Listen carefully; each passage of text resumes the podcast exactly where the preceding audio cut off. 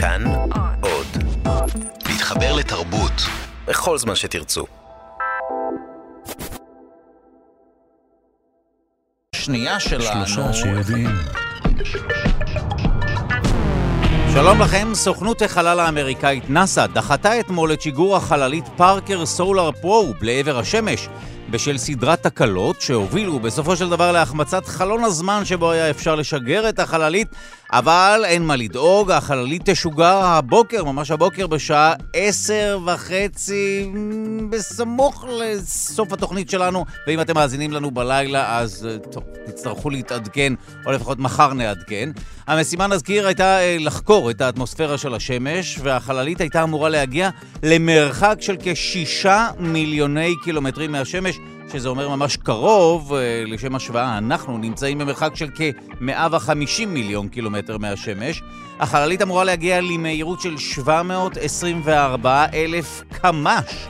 כשהיא תיכנס למסלול סביב השמש ואמורה להתמודד עם חום רב כמובן, 1,400 מעלות צלזיוס. השיגור אתמול בפלורידה, כפי שעדכנו, נדחה להבוקר ב-10 אנחנו כמובן נעדכן במהלך השידור. וכאן בישראל סוף שבוע של מטאורים בשמי ישראל. הלילה מטר המטאורים מגיע לשיאו. כאן בישראל מדובר במטר הפרסאידים הידוע שפוקד אותנו מדי שנה. על פי הערכות מדובר בין 50 ל-100 מטאורים בשעה. זה צפוי לקרות היום בלילה בגלל שהירח דקיק כמו בכל תחילתו של חודש עברי, היום. האור של הירח לא יפריע לראות את האטרקציה האמיתית בשמיים, עם כל הכבוד לירח, ואת המטאורים אפשר יהיה לראות הלילה באזורים שבהם אין זיהום אור. אנחנו נעדכן בהמשך היכן מומלץ לראות את הפרסאידים או את מטר המטאורים שצפוי לפקוד אותנו הלילה. גם הלילה, הלילה זה יהיה השיא. שלום לכם, אנחנו שלושה שיודעים בכאן תרבות. היום יש לנו תוכנית מרתקת במיוחד שעוסקת בריגול, מיד תבינו מדוע, ומי האורח הסודי שנמצא כאן איתי. אנחנו עיוותנו את קולו. תגיד שלום לשמוע אם די.ג'יי מקלר עיוות את קולך. כן, כן, מודה באשמה, ממש. וואו, חסכת לדי.ג'יי מקלר הרבה עיוותים אלקטרוניים. אוקיי. Uh, הסופר הבריטי איאן פלמינג, הוא מחבר סדרת הספרים ג'יימס בון, uh, אמור היה לציין השנה את יום ההולדת המאה ועשרה שלו, לפני 54 שנים בדיוק. ב-12 באוגוסט הוא הלך לעולמו, ולכן נקדיש היום את התוכנית לריגול. ג'יימס בונד היה מרגל דמיוני, אבל כאן באולפן נמצא איתי מישהו שהוא לא דמיוני. שלום למי שהיה איש מבצעים במוסד, מותר להגיד את זה, נכון? ודאי. כן, והיום הוא סופר שכתב תשעה ספרים, והוא גם עיתונאי ופרשן לענייני ביטחון, מודיעין ומדיניות בינלאומית. שלום לך, גד שמרון. בוקר אור, ו- שמח להיות כאן. וגם איש כל ישראל? לשעבר. ל- לשעבר, כן, כן. לשעבר. טוב, אנחנו נדבר איתך גם על איאן פלמינג ועל אה, ספרי ג'יימס בונד, אולי על ההשראה של איאן פלמינג שהוא חשב או כתב על ג'יימס בונד, וגם עד כמה העלילות בספרי ריגול ב- ובסרטי הריגול קרובות למציאות, איך התפתח תחום הריגול כתוצאה מההתפתחות הטכנולוגית, וגם נדבר ספציפית על מבצעי הריגול הבולטים שישראל ביצעה לכאורה כביכול ומוכחש בזאת. אה, לכן, התוכנית שלנו היא בשידור חי, ולכן אם נחרוג מעט ממה שמותר לנו לחשוף, אנא מכם כבו את המקלט ותשכחו את כל מה שהיה פה, ונעסוק אגב בעוד עניינים. כמו למשל מחקר חדש שהממצאים שלו מפורסמים לראשונה בעולם אצלנו בתוכנית, שהוא עוסק בשאלה האם אנחנו נולדים יצורים חברתיים או שאנחנו הופכים לכאלה מיד הפרטים, וגם חוקרים מגרמניה הוכיחו שאינטראקציה בין בני אדם לרובוטים יכולה להוביל לשינוי בהתנהגות בני האדם אל, כלפי הרובוטים, ואנחנו פשוט מרגישים כלפיהם רגשות של חמלה. אה, ביקשו מאנשים לכבות רובוטים שהתחננו על חייהם, ואכן 13 מתוך 43 אנשים לא כיבו את הרובוטים. נעסוק גם בתופעת רפואת היתר. מה זה אומר ומה המחיר שאנחנו משלמים עליה, וגם היום 12 באוגוסט הוא יום הפיל הבינלאומי. ועוד עניינים, העורך שלנו רז חסון, המפיקה היא ליטל אמירן, על הביצוע הטכני די.ג'יי אלון מקלר, תודה רבה ליגאל שפירא שמלווה אותנו. נזכיר לכם שאתם מוזמנים להאזין לנו בכל זמן ובכל מקום באמצעות היישומון החינמי כאן אודי, ולא רק לשלושה שיודעים, הורידו את היישומון כאן עוד, וכך תוכלו להאזין לכל התוכניות של כאן תרבות בכל זמן ובכל מקום, כל ההסכתים, כל המוסיקה, כל החדשות ועוד. הנה די.ג'יי מקלר מנגן את זה.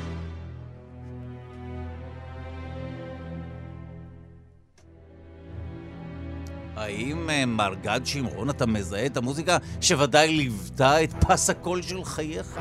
לא ממש פס הקול של חיי, אבל נדמה לי לי שזה גולדפינגר. גולדפינגר. מיד אנחנו נזהה יותר ויותר אלמנטים, תכף- ה main title, המוזיקה המרכזית, העיקרית, אה, תבצבץ. טוב, בוא נדבר באמת על המחבר של ספרי ג'יימס בונד, ואז נגיע לחיים שלך, לפחות מה שאתה מכיר מהעניין הזה. אפשר להשאיר את זה מצוין.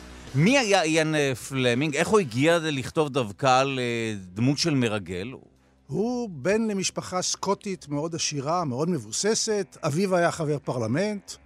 אה, והוא מגיל צעיר גם כתב, גם אהב להתעסק בכל מיני עניינים כאלה. ומלחמת העולם השנייה הוא באמת היה קצין מודיעין. אה, במודיעין הבריטי, שאגב, המודיעין הבריטי במלחמת העולם השנייה עשה דברים מפליאים בתולדות הביון העולמי. לא היו דברים כאלה, דוגמה קטנה. כן, נשמח. כל המרגלים הנאצים שישבו בבריטניה, כולם או הוכפלו, כן? זאת אומרת, היו כאילו, העבירו מידע לברלין, אבל זה מידע שהבריטים דאגו שהם יעבירו להם. הפכו אותם לסוכנים כפולים. וואו. הכפילו אותם. כולם היו או מוכפלים או שישבו בכלא. כלומר, לגרמנים לא היה מקור עצמאי אחד בבריטניה כל מהלך המלחמה. וואו. זה דבר מדהים, ואנשים לא יודעים את זה. איך הם הגיעו למצב... שילוב של מזל, ואתה יודע, כמו שהבריטים אה, מגדלים דשא. אתה מכיר הרי את הסיפור שבא סעודי ושאל בריטי, תגיד לי, איך הדשא אצלכם כל כך יפה? אז הוא כן. אמר, אתה יודע, מוצאים מקום, שמים קצת זבל, שמים זרע ושותלים, ואחרי 500 שנה זה מה שיש. אז אותו כן, הדבר עם אוקיי. המודיעין. הבריטים היו מהראשונים שהתעסקו בביון בצורה, בעולם המודרני, בצורה, בוא נאמר, מדעית ומשרדית, בירוקרטית. ויאן פלמינג, במלחמת העולם השנייה, היה קצין באותו מדור שעשה את כל המבצעים המוזרים, למשל, בוודאי בין המאזינים יש כאלה שקראו את הספר מבצע קציצה, כשלקחו גופה של נווד הומלס, הלבישו אותה במדים של קצין בריטי, זרקו אותה מצוללת מול חופי פורטוגל כדי שהם ידעו שיושבים שם סוכנים גרמנים שימצאו את הגופה, ועל הגופה היו מסמכים שסודיים ביותר לכאורה, שהראו שבעלות הברית הולכות לפלוש לסרדיניה, בזמן כן. שהם הלכו לפלוש. לסיציליה. אז הוא היה מהאבות ההוגים של הרעיונות האלה, אילו תחבולות. תחבולות נפלאות. וואו. מספרים עליו שהוא לפעמים הגזים, היו לו כמה אה, תוכניות באמת מוגזמות, למשל, אתה יודע, מספרים על יהודי אמריקאי אחד שבא לנשיא רוזוולט ואמר לו, יש לי רעיון איך לגמור את הצוללות הנאציות באוקיינוס האטלנטי. שאל אותו רוזוולט איך, הוא אמר לחמם את האוקיינוס ככה, שיהיה להם חם והם יעלו למעלה ואז נשמיד אותם. אז שואל אותו רוזוולט, יופי, ואיך עושים את זה? אז אומר היהודי, אני יועץ. איך תעשו עם זה? תשאלו את הטכנאים, לא אותי. אז פלמינג היה גם די דומה, היו לו רעיונות לפעמים שאי אפשר היה לבצע אותם, אבל היו מדהימים. על יצירתיות זה יצירתיות משהו שהוא חשוב, אני חושב. כן. ואחרי המלחמה הוא התחיל לכתוב. הוא כתב אה, כמה ספרים, וביניהם את אה, ג'יימס בונד הראשון, שאגב, אנשים לא יודעים, אבל ג'יימס בונד היה צפר אמריקאי. ש- שוב, אה, אה, בואו תסביר מה זה אומר, כי אנחנו מכירים את הדמות הפיקטיבית. הכוונה היא למה, אה, אדם שאכן קראו לו ג'יימס בונד, ולא עסק לא בריגול, לא בפיוט, בכלל שום לא, דבר. הוא ישב פלמינג, פלמינג מאוד אהב את אה, ג'מייקה, הוא ישב בג'מייקה, ושם הוא הכיר צפר אמריקאי בשם ג'יימס בונד, והוא התחיל לכתוב ספרי ריגול, ושבר את הראש איך אני מוצא שם שיהיה בו גם, איך נאמר, גם גבריות, גם סודיות, גם משהו מאוד בריטי, אנגלוסקסי וכולי. ואז אשתו אמרה לו, מה עם הצפר? אז הוא חשב ואמר, וואלה, ג'יימס בונד שם טוב. וככה נולד השם ג'יימס בונד. לא הייתה שום תביעה של לא, הצפר? לא, שהוא אגב, רצה? יש מי ש... אתה יודע, אני מאוד אוהב... או בתור- סיור כמו קרמר בסיינפלד, שהדמות המקורית היום עושה אז סיורים. זהו, אז כשאני... אה, אני, כש, אני, מאוד, אני מאוד אוהב לראות ולקרוא ספרים ששם הסופר מכניס כל מיני רמזים. באחד מסרטי ג'יימס בונד, אני לא זוכר איזה, ג'יימס בונד בסרט מעיין בספר צפרות. שזה הספר אה, הצפרות המקורי די. של ג'יימס בונד. יפה. אה, כזה מין, איך קוראים לזה? קריצה של הבמאי, מאוד יפה. וג'יימס ופלמינג התחיל לכתוב, ובשנות ה-50 זכה להצלחה אדירה. התחיל לכתוב ספר אחד אחרי השני עם הדמות הזאת של 007, שיש לו רישיון להרוג מטעם המלכה. למה, למה זה כל כך מרתק אותנו? זה, זה, זה הרי... איך נפתח התנ"ך? אתה זוכר את המשפט הראשון? בראשית ברא אלוהים. כן, את השמיים ואת הארץ, והארץ הייתה תוהו ובוהו, חושך על פני תהום. או, כי עולם הריגול מתנהל בחושך, ולכן לבני האדם יש סקרנות, סקרנות אדירה לדעת מה קורה בתוך החושך הזה, מכיוון שעולם הביון בעצם באופן טבעי מתרחש במחשכים. ומה שמעניין אצל פלמינג, אגב, הוא גם, אתה יודע, הוא כתב ספר ילדים מאוד מוצלח. צ'יטי צ'יטי בנג בנג, זה שלו. אממ. גם ספר שלו. אנחנו גדלנו על הסרט כמובן, אבל מי היה מאמין שגם יש ספר? יפה. כן. ומה שמאוד אומרים, שהדמות המקורית של ג'יימס בונד, כפי שפלמינג הכניס אותו לתוך הספר, בכלל אחד משלנו, יהודי בשם אה, רוזנבלום, שלמה רוזנבלום. יהודי רוסי, כן. שבסוף המאה ה-19 ברח מרוסיה הצארית בגלל הפרעות וכולי, ברח, היה הרפתקן, איכשהו התגלגל לאנגליה, אה, אימת כפי כישרון מדהים בשפות, דיבר כמו אריסטוקרט אנגלי, אה, והתחבר לארגון הביון הבריטי שהתחילו להשתמש בו ולאט לאט הפכו אותו בעצם לסוכן הראשי שלהם. מספרים עליו שהוא הופיע בתור למשל סוחר עצים רוסי בפורט ארתור מי שזוכר, במלחמת רוסיה-יפן, אה, 1904-1905, איפה שטרומפלדור איבד את היד, כן. אז אותו אדם שקראו לו שלמה רוזנבלום, אבל כמובן הוא אימץ שם אנגלי לחלוטין, בשם סידני ריילי. כן, מי, תחשוב, סידני ריילי, אני שלמה רוזנבלום. די דומה. והוא למשל היה שם. אחר כך הוא התחזה לפועל ועבד במפעל רגע, של קרופ. הוא נתן השראה לפלמינג? הבן אדם הזה אחר כך היה בזמן ההפיכה בברית, ברוסיה, הוא עבד בתור סוכן של הבריטים וכולי, והוא בסוף נהרג כשהוא חדר בחזרה לברית המועצות והקומוניסטים תפסו אותו. השותף שלו, קצין בשם לוקרארט, כתב עליו ספר, ואותו לוקהרט היה חברו לחדר של יאן פלמינג במלחמת העולם השנייה, והם דיברו הרבה על סידני mm, ריילי, ואומרים שסידני ריילי הזה, כפי שציינתי, שלמה רוזנבלום שלנו, הוא בעצם, ה, איך נקרא לזה, ההשראה לג'יימס בונד של איאן פלמינג.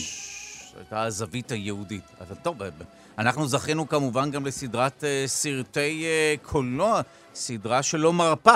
אז הנה, גולדפינגר ברקע. אני אתן לך אנקדוטה על גולדפינגר. בבקשה. גולדפינגר, אומרים שגולדפינגר היה שכן יהודי קמצן עשיר של איאן פלמינג בלונדון, ולכן הוא קרא לו גולדפינגר.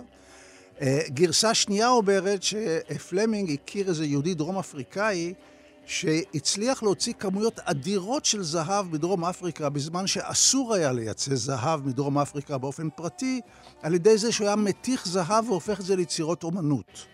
מעביר את זה לאירופה, ושם מתיך את זה בחזרה ומוכר. מי שזוכר את הסרט אה, אה, גולדפינגר, הרי מה מדובר שם? על מסחר בזהב וכולי, וזה נתן לו את הרעיון לסרט גולדפינגר. וזווית ישראלית לסרט, אנשים שוכחים את זה. מי כן. שגילם את דמותו של גולדפינגר בסרט, בסרט, לא בספר כמובן, היה שחקן גרמני בשם גרט פרובה, פרובה היה שמו, אוקיי. אוקיי. שבו, בא לעשות, גם שיחק בזמן גרמניה הנאצית בסרטים, וכמובן שבא הסרט לארץ, אמרו אנשים, אי אפשר להראות סרט כשכוכב המשנה הוא שחקן נאצי לשעבר. והיה בוקה ומבולקה ודיונים וכולי, עד שהצנזורה אישרה. אז איך אומרים, במזל הצלחנו לראות בזמנו את גולדפינגר בארץ, אחרי שהבינו שהוליווד יש לה כללי העסקה שונים. מחקר חדש, שממצאיו מפורסמים לראשונה בעולם. אצלנו בתוכנית, עוסק בשאלה. האם אנחנו נולדים יצורים חברתיים או שאנחנו הופכים לכאלה? האם אנחנו נולדים עם הנטייה לזהות פרצופים, או שזה לא מקודד אצלנו או חקוק גנטית? המחקר הוא פרי עמלם של חוקרים מהמחלקה לפסיכולוגיה באוניברסיטה העברית, ומי שתציג אה, בפנינו את המחקר היא דוקטור שיר אציל מהמחלקה לפסיכולוגיה באוניברסיטה העברית, וחוקרת את הבסיס המוחי של קשר הורים-ילדים. שלום לך. בוקר טוב. טוב, אני לא, לא רציתי להציג את המחקר עצמו מלבד לרמוז במה הוא עוסק, כי לא רציתי אה, ללקוט בחוסר דיוק. אז בואי אם תוכלי להסביר לנו במה המחקר עוסק.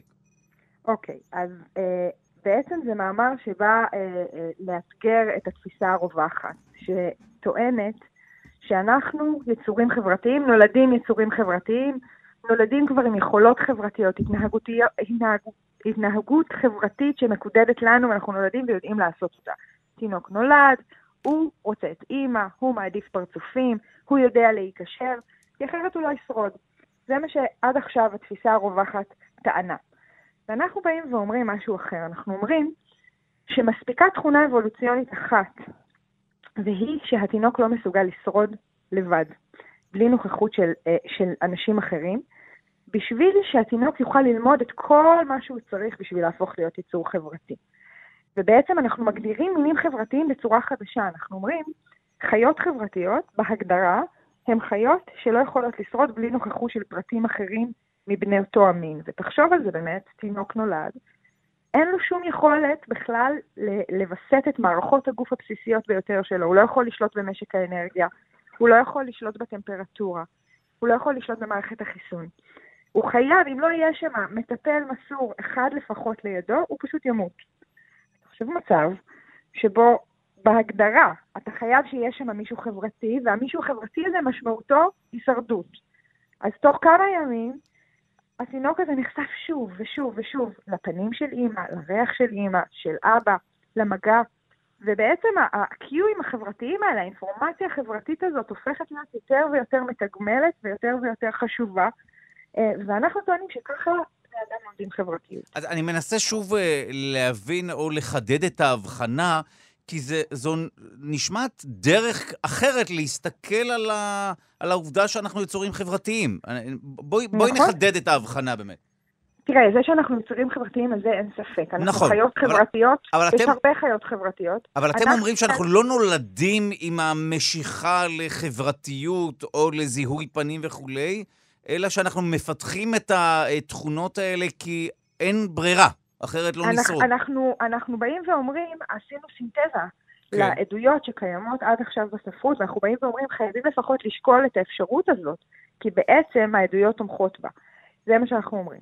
אה, אנחנו מציעים אה, איזשהו, אה, איזושהי מסגרת חדשה לתפיסה של מה זה חברתיות בכלל בבני אדם. ו- ולמה היא מתפתחת באופן שבו היא מתפתחת, וגם אנחנו חושבים שהמוח עצמו, יש לנו עדויות ש- שהמוח, ש- שתינוק נולד, אנחנו לא רואים בו שום אה, אה, עדות למערכות חברתיות מולדות.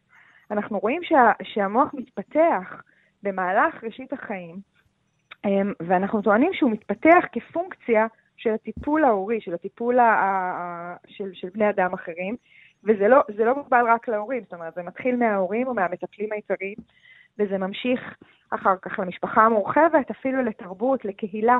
אמ, אנחנו אה, חושבים שיש להשפעה החברתית הזאת ממש אה, אה, אמ, השפעה ביולוגית על וואו. המוח, על האופן שבו המוח מכוות, אמ, וכל זה בגלל התלות הזאת, התלות ההישרדותית שיש לתינוק בעולם החברתי. בתור בן אדם שחייב להיות, להשתתף, לשתף פעולה עם החברה שלו בשביל לשרוד, זה מנוע מאוד מאוד חזק ללמידה. בעצם מה ש, שבני אדם עושים זה לומדים את התרבות, הם לומדים את השפה, אבל לא רק את השפה המדוברת, אלא את השפה החברתית, הגלובלית, של מה זה להיות בן אדם.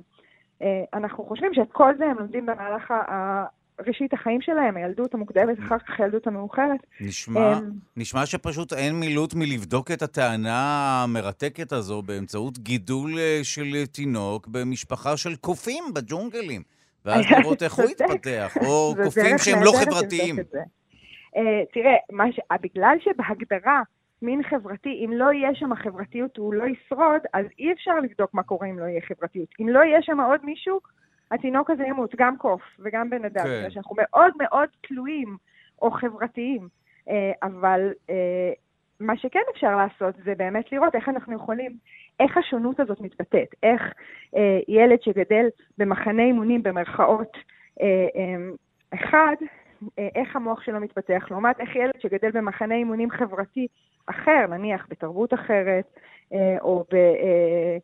בנסיבות אחרות, ואנחנו באמת רואים, יש שונות באופן שבו זה, uh, ילדים גדלים. זו גישה שלא מטילה אחריות מאוד כבדה על כתפיהם של ההורים? אני מאוד שמחה שאתה מעלה את הנקודה הזאת. אני חושבת שהאחריות, האחריות שעולה פה היא הרבה יותר, זאת אומרת, להורים זה שיש אחריות, זה ברור. כן. זה אנחנו כבר מרגישים. אני חושבת שמה שזה מעלה, זה את הסוגיה של האחריות החברתית שיש לנו כקהילה וכחברה, מעניין, לאופן כן. שבו אנחנו מעצבים את הילדים שלנו כחיות חברתיות, ואיך אנחנו, מה אנחנו מלמדים אותם על חברתיות, מה אנחנו וואו. מלמדים אותם על קונספטים חברתיים כמו גזע וכמו צבע עור וכמו דת. אמ, אפילו, אפילו קונספטים כמו כסף, אלוהים, זה הכל, הכל, זה הכל רעיונות שמועברים באופן תרבותי אה, מהקהילה אל הבן אדם המתפתח. מדהים. ויש לנו דרך, ואם אנחנו באמת מבינים שיש לנו דרך לשלוט או לעצב את הדבר הזה, זה שם המון המון אה, אחריות על הקהילה ועל החברה. טוב, לפחות אה, בואי נחולל קורס הורים לאור הגילוי האחראי. זה נשמע אחת הגיוני מאוד. אמ, אוקיי, או שלא, אני בטוחה שיש הרבה גם מתנגדים, כי אנחנו מנסים בעצם אולי לערער איזשהו משהו רווח. כן. אנחנו מציעים תיאוריה חדשה. אנחנו גם חוקרים אותה במעבדה, אמ, אבל אה, לכל הפחות אני חושבת שכדאי אה, אה, לזכור את האפשרות הזאת, ולא להניח שאנחנו נולדים אפריורית עם, עם רעיונות כאלה מופשטים, חברתיים, כי יש לנו סיבה להניח שלא. טוב, זה בכל מקרה נשמע, זו נשמעת תיאוריה מרתקת, גם כל אחד צריך להחליט עבור עצמו, וכמובן ששווה, אם זה נכון, וכמובן ששווה שוב. לאשש או לבדוק או להוכיח כמה בוודאי, שאפשר, אבל זה באמת בוודאי, נשמע מרתק. בוודאי, זה מה שאנחנו עושים. כן, כן לגמרי. תודה רבה לך, דוקטור שירה צילמה, מחלקה לפסיכולוגיה באוניברסיטה העברית. תודה רבה, וחוקרת את הבסיס המוחי של קשר הורים-ילדים. תודה. ביי. וואו, טוב, אנחנו חוזרים למוזיקה שתבשר את העובדה שאתה יכול לדבר. הנה, המוזיקה היא הפס שלך לדבר. כן, אני חושב, דרך אגב, שאם נסכם את השיחה שניהלת בזה הרגע, אז כן. זה ההבדל בין ספרטה ואתונה, לא? כן, אומרת, למה? תחשוב, לוקחים ילדים בספרטה, מאמנים אותם מגיל צעיר, בתוך חברה גברית, להיות לוחמים. לעומת זאת, באתונה, כל האווירה הייתה אחרת. כל האווירה של דמוקרטיה, נכון, דמוקרטיה רק לסוג מסוים, כן? לא לעבדים וכולי, אבל ההבדל הבסיסי, שבעצם מתקופה פרי... 2,500 לפני הספירה, כך אפשר ממש ספרטה כן? ואתונה. כן? לגמרי, אבל אני רואה שאתה... ולטובת איזה חינוך אתה נוטה, אם כבר העלית את זה? אני מעדיף את אתונה כמובן, אבל... אה, אבל גם מחנה אימונים טוב. יכול כן, לעשות את העבודה. תשמע, גם דמוקרט, כי תמיד אמרו ספרטה, זה, זה כוח צבאי וכולי, גם אתונה הדמוקרטית הייתה מעצמה, אה, תוך כדי, בוא נאמר, היה יותר נחמד לגדול באתונה לפני 2,500 שנה מאשר בספרטה. אין ספק. זה, כן, זה נשמע כך. Hey, בוא ספר לנו איך, אה, רגע אחד על עצמך, ואז באמת נדבר על העלילות אה, של ג'יימס בונד וכולי, ועד כמה הן אה, אמיתיות או קרובות למה שקורה במציאות. אתה איש כל ישראל לשעבר, איך הגעת להיות מוכחש כמובן, לכאורה, איש מוסד? מאוד פשוט, אה, עבדתי בכל ישראל. ממש. שידרת, נכון? כן, כן, כן עם עמוס גורדון, זכרו לברכה, בכל ישראל, ועם יצחק רואה, כל מיני, ממש שמות, בבניין הישן ברחוב אלני המלכה בירושלים, מי שזוכר, שהיום זה מוקד לעימות בין עיריית ירושלים וממשלת אתיופיה בגלל רכוש וכולי, אבל נעזוב את זה, האולפנים הנפלאים שם. כן. ויום אחד דפיקה בדלת, ומגיע בחור שנקרא לו יוד. יוד. יוד, כן, והוא, אני הכרתי אותו כי הוא היה נשוי לבחורה מהשכונה שלי. נקרא לה ט'. לא. גימל. יש עוד הרבה אותיות באלף-בית, אז בואו... נעבור אחת-אחת. בדיוק, לא, כדי שיהיה זמן להעביר. כדי שיהיה לנו על מה לדבר. בכל אופן, הוא התחיל לשאול אותי כל מיני שאלות, מה אני עושה, ואיך אני עושה, ומה זה, ופה, שם, וזה. זה קצת נשמע לי כמו הסיטואציה ברחוב סומסום של ההוא שמוכר אוויר בשקל. נכון, כי פעם, פעם זאת הייתה, פעם זאת הייתה השיטה. ככה היום מגייסים אנשים? חבר מביא חבר. די. כן. הם כן נפוטיזם במוסד? בזמנו ככה עבדו, היום כמובן זה הולך אחרת. הוא שאל אותי כל מיני שאלות, ואז בדיוק התלבטתי מה לעשות, כי בין השאר גם עברתי את uh, מבחני הקבלה לקורס צוערים של משרד החוץ, mm. שהיה מאוד יוקרתי. היית מולטי טאלנט. לא, uh, אבל הלכתי... גם שידור, גם חוץ, גם ביטחון, היה, מודיעין, כן, ביון. לא, לא ידעת, זה היה אחרי מלחמת יום כיפור, כל הדור שלי הרי היה די מבולבל, איבדנו הרבה חברים. אה, התחתנו מהר וכולי, כפי שאתה זוכר, ואז, אה, אני לא יודע אם אתה זוכר, אבל זו הייתה תקופה שמחזור שלם התחתן. כן? לא, כיפור. אז את התופעה הזו לא כן, הכרתי, כן. כן. למה? רובם כי... גם התגרשו אחרי זמן. כי עברו את המלחמה, שהייתה טראומה, הייתה לאומית, כן, בטח קשה, ולכן רבים התחתנו וגם אחרי כמה זמן התגרשו. בכל אופן, אז עוד הייתי נשוי. כן. והתלבטתי מה לעשות הלאה, עבדתי בכל ישראל, למדתי באוניברסיטה לימודי דרום-מזרח אסיה והיסטוריה כללית, והוא בא והתחיל לשאול שאלות, ובעצם די הבנתי מה הכיוון. היי, חבר, בא להם. אז הלכתי, היה, הלכתי למי שהיה בכיר מאוד במשרד החוץ, שהיה חבר של אבי ז"ל, ושאלתי אותו מה לעשות, אני מתלבט. אז הוא סגר את מיד הדלת. ירה בך. סגר את הדלת ואמר שאל תעז לבוא למשרד החוץ. יש פה נחשים, אוכלים את אחד את השני. אוי אם אתה ואבוי. רוצה, לך תהיה, תחתום קבע בצה"ל, תלך לשב"כ, תלך למוסד, רק לא למשרד החוץ. עם המלצה כזאת... מיד נשיג תגובה של משרד החוץ כמובן. לא, זו הייתה תקופה קשה אז במשרד החוץ, כי אוקיי. הרבה מדינות ניתקו את הקשרים עם ישראל, אחרי, ואתה יודע, והיו המון שגרירים מבואסים ומתוסכלים בירושלים. אל נעזוב את זה, לא זה הנושא.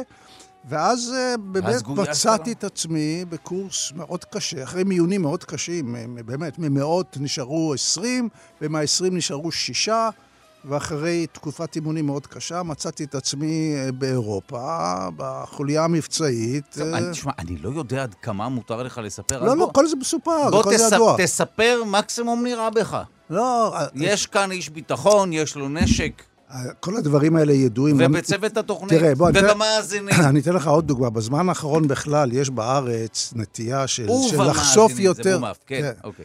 יש נטייה בארץ לחשוף יותר ויותר. אני כבר 20 שנה לא מסתיר את העובדה שהייתי במוסד. הופעתי בהרבה אה, מקומות, כתבתי ספרים. בחיים לא כתבתי את שם היחידה שהייתי בה.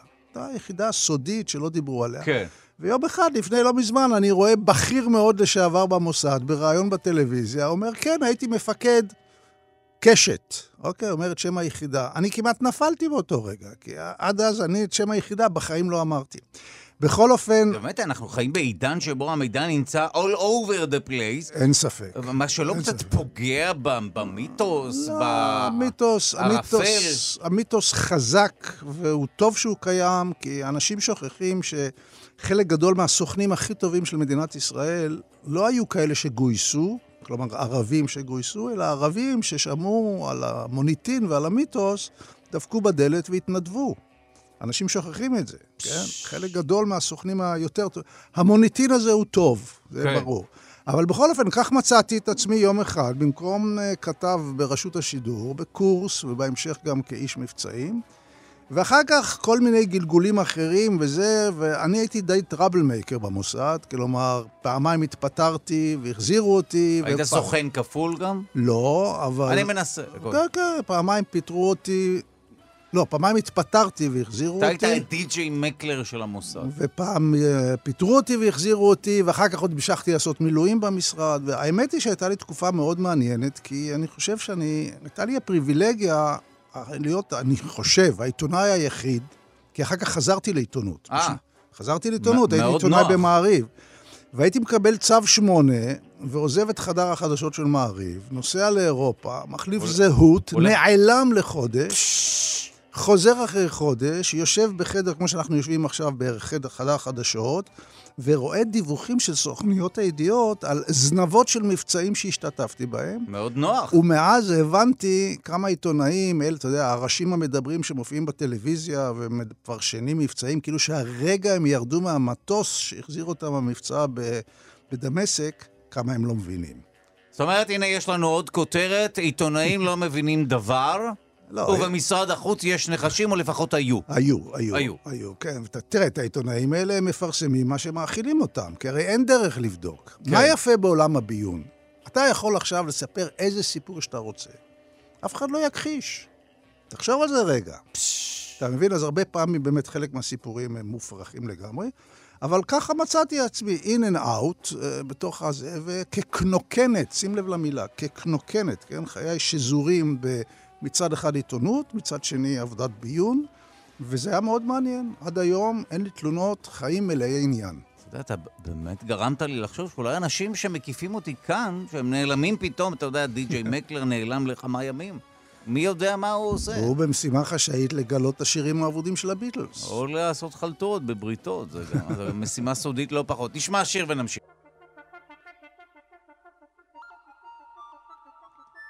וכעת אנחנו עוברים אה, לפינה הרפואית שלנו. כמדי שבוע אנחנו מדברים עם דוקטור מיכל חמולוטם, שהיא מומחית לחדשנות ברפואה, והפעם אנחנו מדברים על רפואת יתר. תופעה ששווה להכיר, אנחנו מיד נבין מה זה אומר, מה המחיר שאנחנו משלמים בעקבות התופעה הזו, ומהי אינסידנטלומה. שלום לדוקטור מיכל חמולוטם, מומחית לחדשנות ברפואה. שלום, בוקר טוב. אז באמת אה, רפואת יתר, כמו שאמרת, זה מונח שכדאי שהציבור הישראלי יתחיל אה, להכיר, כי מדובר בבעיה קשה. אה, היא מאוד מאוד שכיחה, והיא גם לא מדוברת. אז מה זה אומר? קודם כל זה אומר עודף של בדיקות מיותרות, שגורמות לאבחונים מיותרים ושגויים, שגורמות לתרופות מיותרות, טיפולים מיותרים, אפילו ניתוחים שנעשים אה, צנתורים, רשימה ארוכה מאוד, והמספרים מראים שזה ממש אה, מגפה. אה, בשנים האחרונות פורסמו המון המון ספרים בתחום הזה, אין סוף מאמרים. אתן לך רק דוגמה אחת, עשו כן. בדיקת CT של כל הגוף, סקירה של כל אברי הגוף אצל משהו כמו 1,200, 1,192 מתנדבים, שכולם היו מבוגרים וכולם היו בריאים. אוקיי. Okay. באיזה אחוז מתוכם לדעתך מצאו איזשהו ממצא שנראה פתולוגי, שנראה לא תקין? באותם אנשים בריאים, 86 אחוז. די, כמו שהרופאה כן. האישית שלי אומרת לי, אם לא בודקים, לא מוצאים. יפה, בסדר. אם לא, אתה צודק. זה מה שהיא אומרת, אבל, אבל אני בודק. אם לא בודקים, לא מוצאים, אבל אם בודקים יותר מדי, או דברים מיותרים, מוצאים יותר מדי דברים שהם ב-99% יכולים להיות תקינים לגמרי. אבל איך אפשר, את מבינה שאתם שמים אותנו במין מצב לא אפשרי, שמצד אחד לא לבדוק זה מעורר כמובן אחר כך את כל התהיות של למה לא מצאו את זה קודם היה אפשר להציל וכולי. מצד שני, כשבודקים, אז גם זה מעורר טיפולים מיותרים, תרופות מיותרות ו- וכולי. נכון, אתה צודק מאוד. המצב הוא לא אפשרי. אני, אני חושבת, אני אתן לך תשובה שהיא לא שלי. יצא עכשיו ספר שנקרא Natural Causes של סופרת, עיתונאית, והיא דוקטור לביולוגיה, דרך אגב, היא לא איזשהו מישהי מעולמות ההומניסטים, שמה ברברה ארנרייך, הוציאה המון רבי מכר בארצות הברית, והיא אומרת, על כל דבר שמציעים, תשאל שלוש שאלות. שאלה ראשונה, מה זה בכלל הדבר הזה? התרופה הזאת, הבדיקה הזאת. שתיים, למה אני צריכה את זה? מה, מה זה נותן לי? כן. שלוש, מה הסיבוכים והנזקים של זה?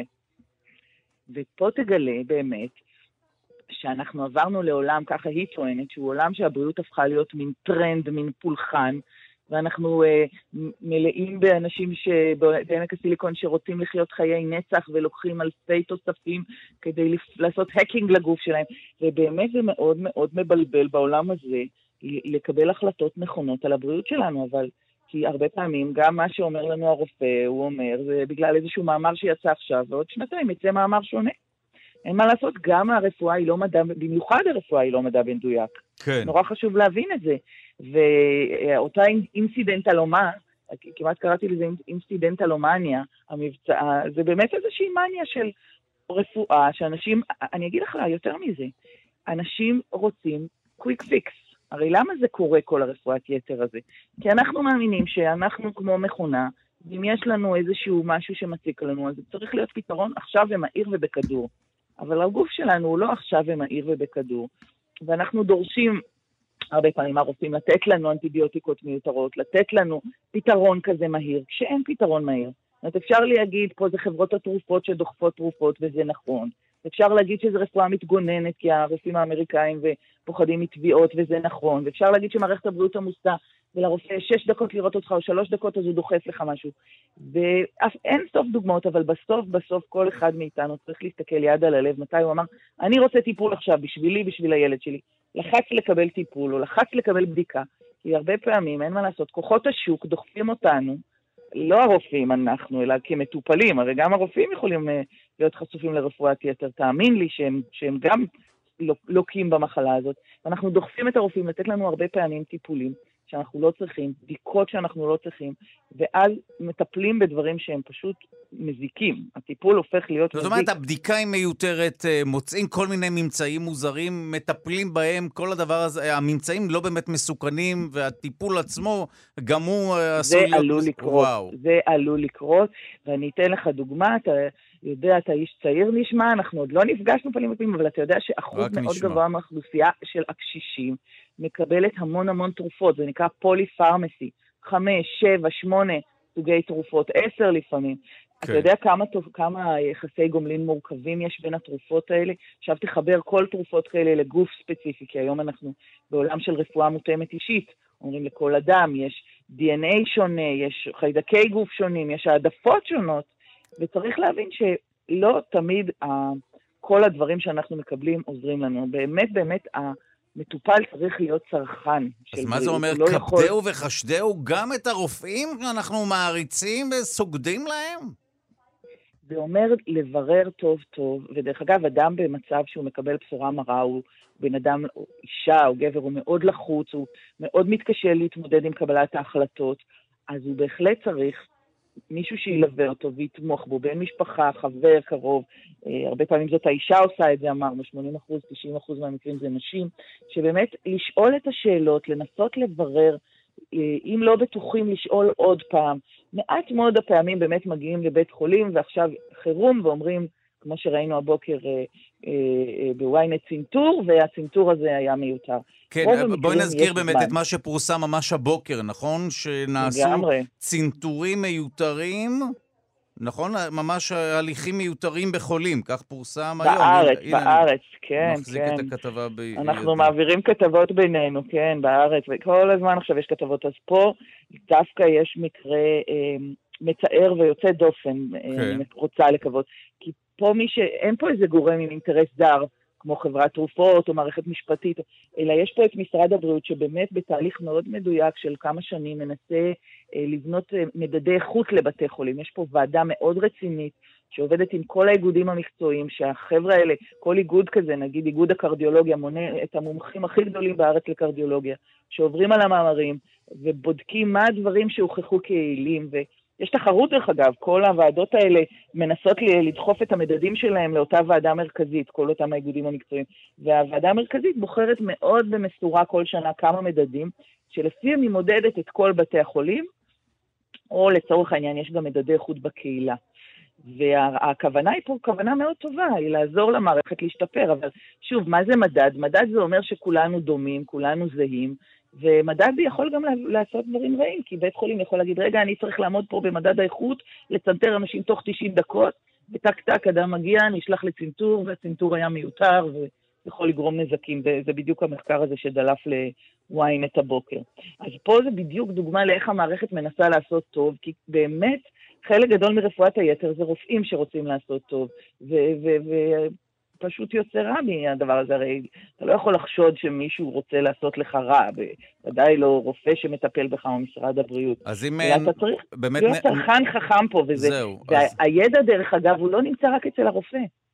כי אתה מכיר את הגוף שלך יותר טוב מכל אדם אחר, אתה מרגיש איפה ומה, אתה יודע, אתה יכול... והרופא לא חי לך בתוך הגוף.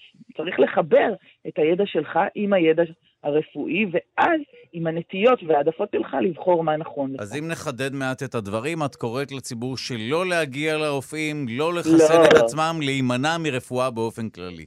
חס וחלילה. ולחזור לרופא האליל. לעבוד עם הראש שלהם, לשאול שאלות, אה, להבין שהבחירה היא שלהם, אף אחד לא מחליט להם על הגוף שלהם. בהחלט אני כן חושבת שאורח חיים בריא, פעילות גופנית, תזונה, חיסונים, מוכח מעל ומעבר.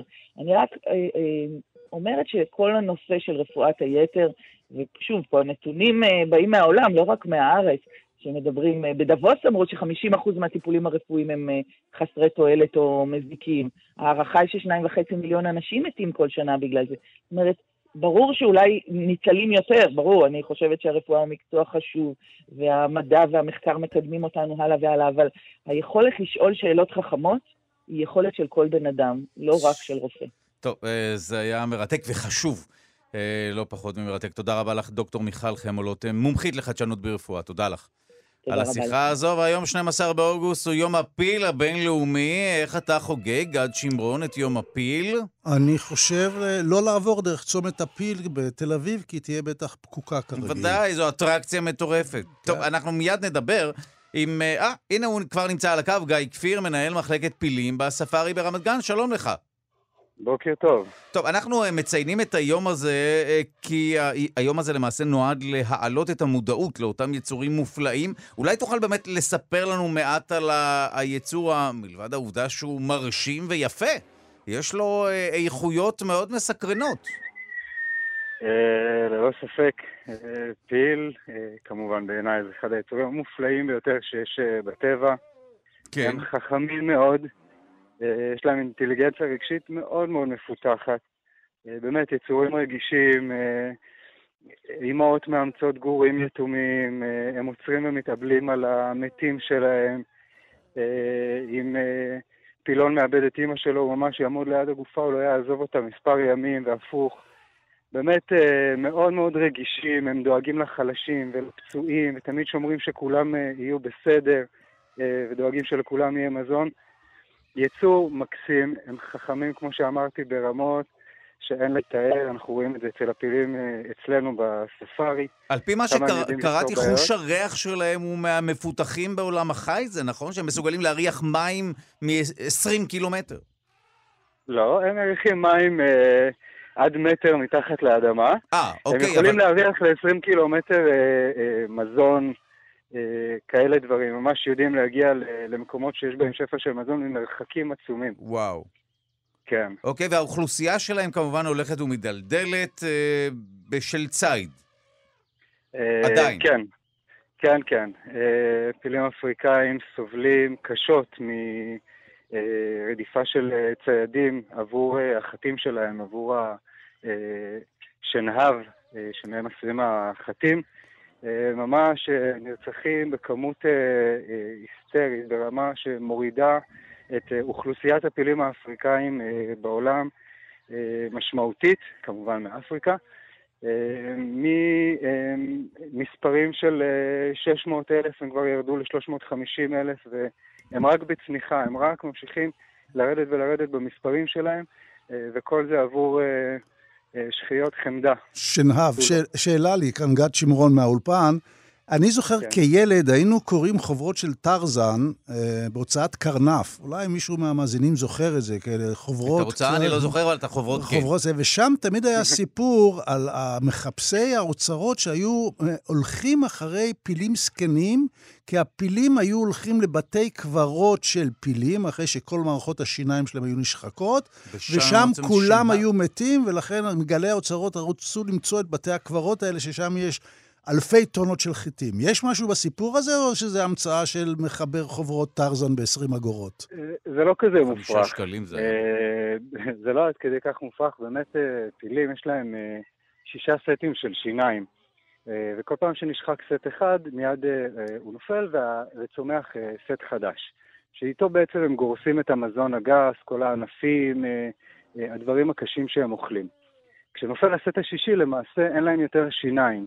ואז הם אה, תרים אחרי אה, מזון רך, שבדרך כלל אה, צומח באזורים של מקווה מים. שם הם הולכים ומלחכים את העשב הרך יותר, שאיתו הם באמת יכולים לאכול מבלי הצורך ללעוס ולטחון אותו. ובסופו של דבר הם מתים ברעב, וזה תמיד קורה באיזשהו אזור ספציפי, באזורים הלחים יותר.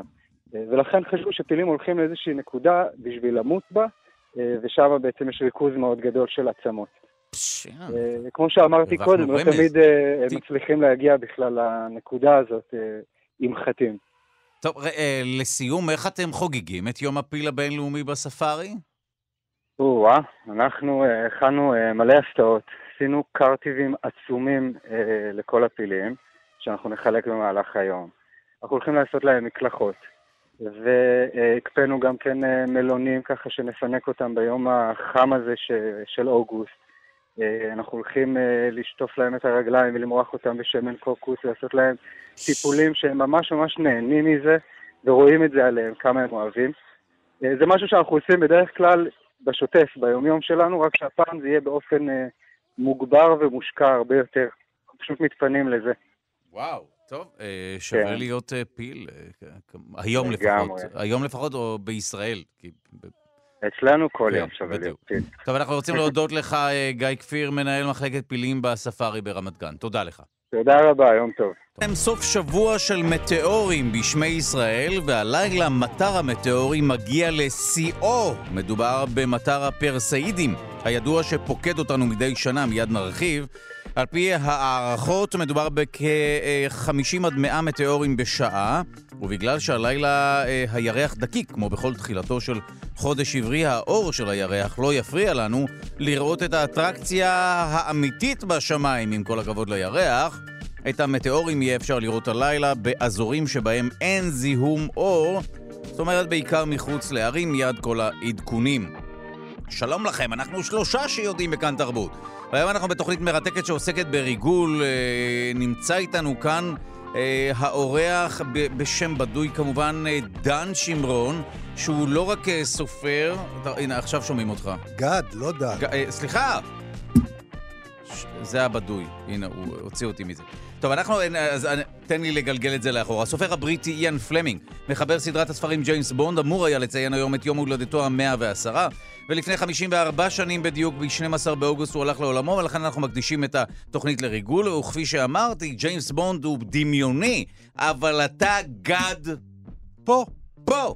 ואמיתי. גד שמרון, אה, איש מבצעים במוסד לשעבר, והיום סופר, מיד אה, נרחיב איתו גם על הפעולות שהוא היה מעורב בהן אה, וגם על עוד עניינים, וגם נעסוק במחקר חדש של חוקרים מגרמניה, שהוכיחו שהאינטראקציה בין בני אדם לרובוטים יכולה להוביל לשינוי בהתנהגות שלנו בני האדם כלפי הרובוטים, אה, ואנחנו מתחילים להתייחס לאותם רובוטים בצורה אנושית, ואף מרגישים כלפיהם רגשות כמו למשל חמלה.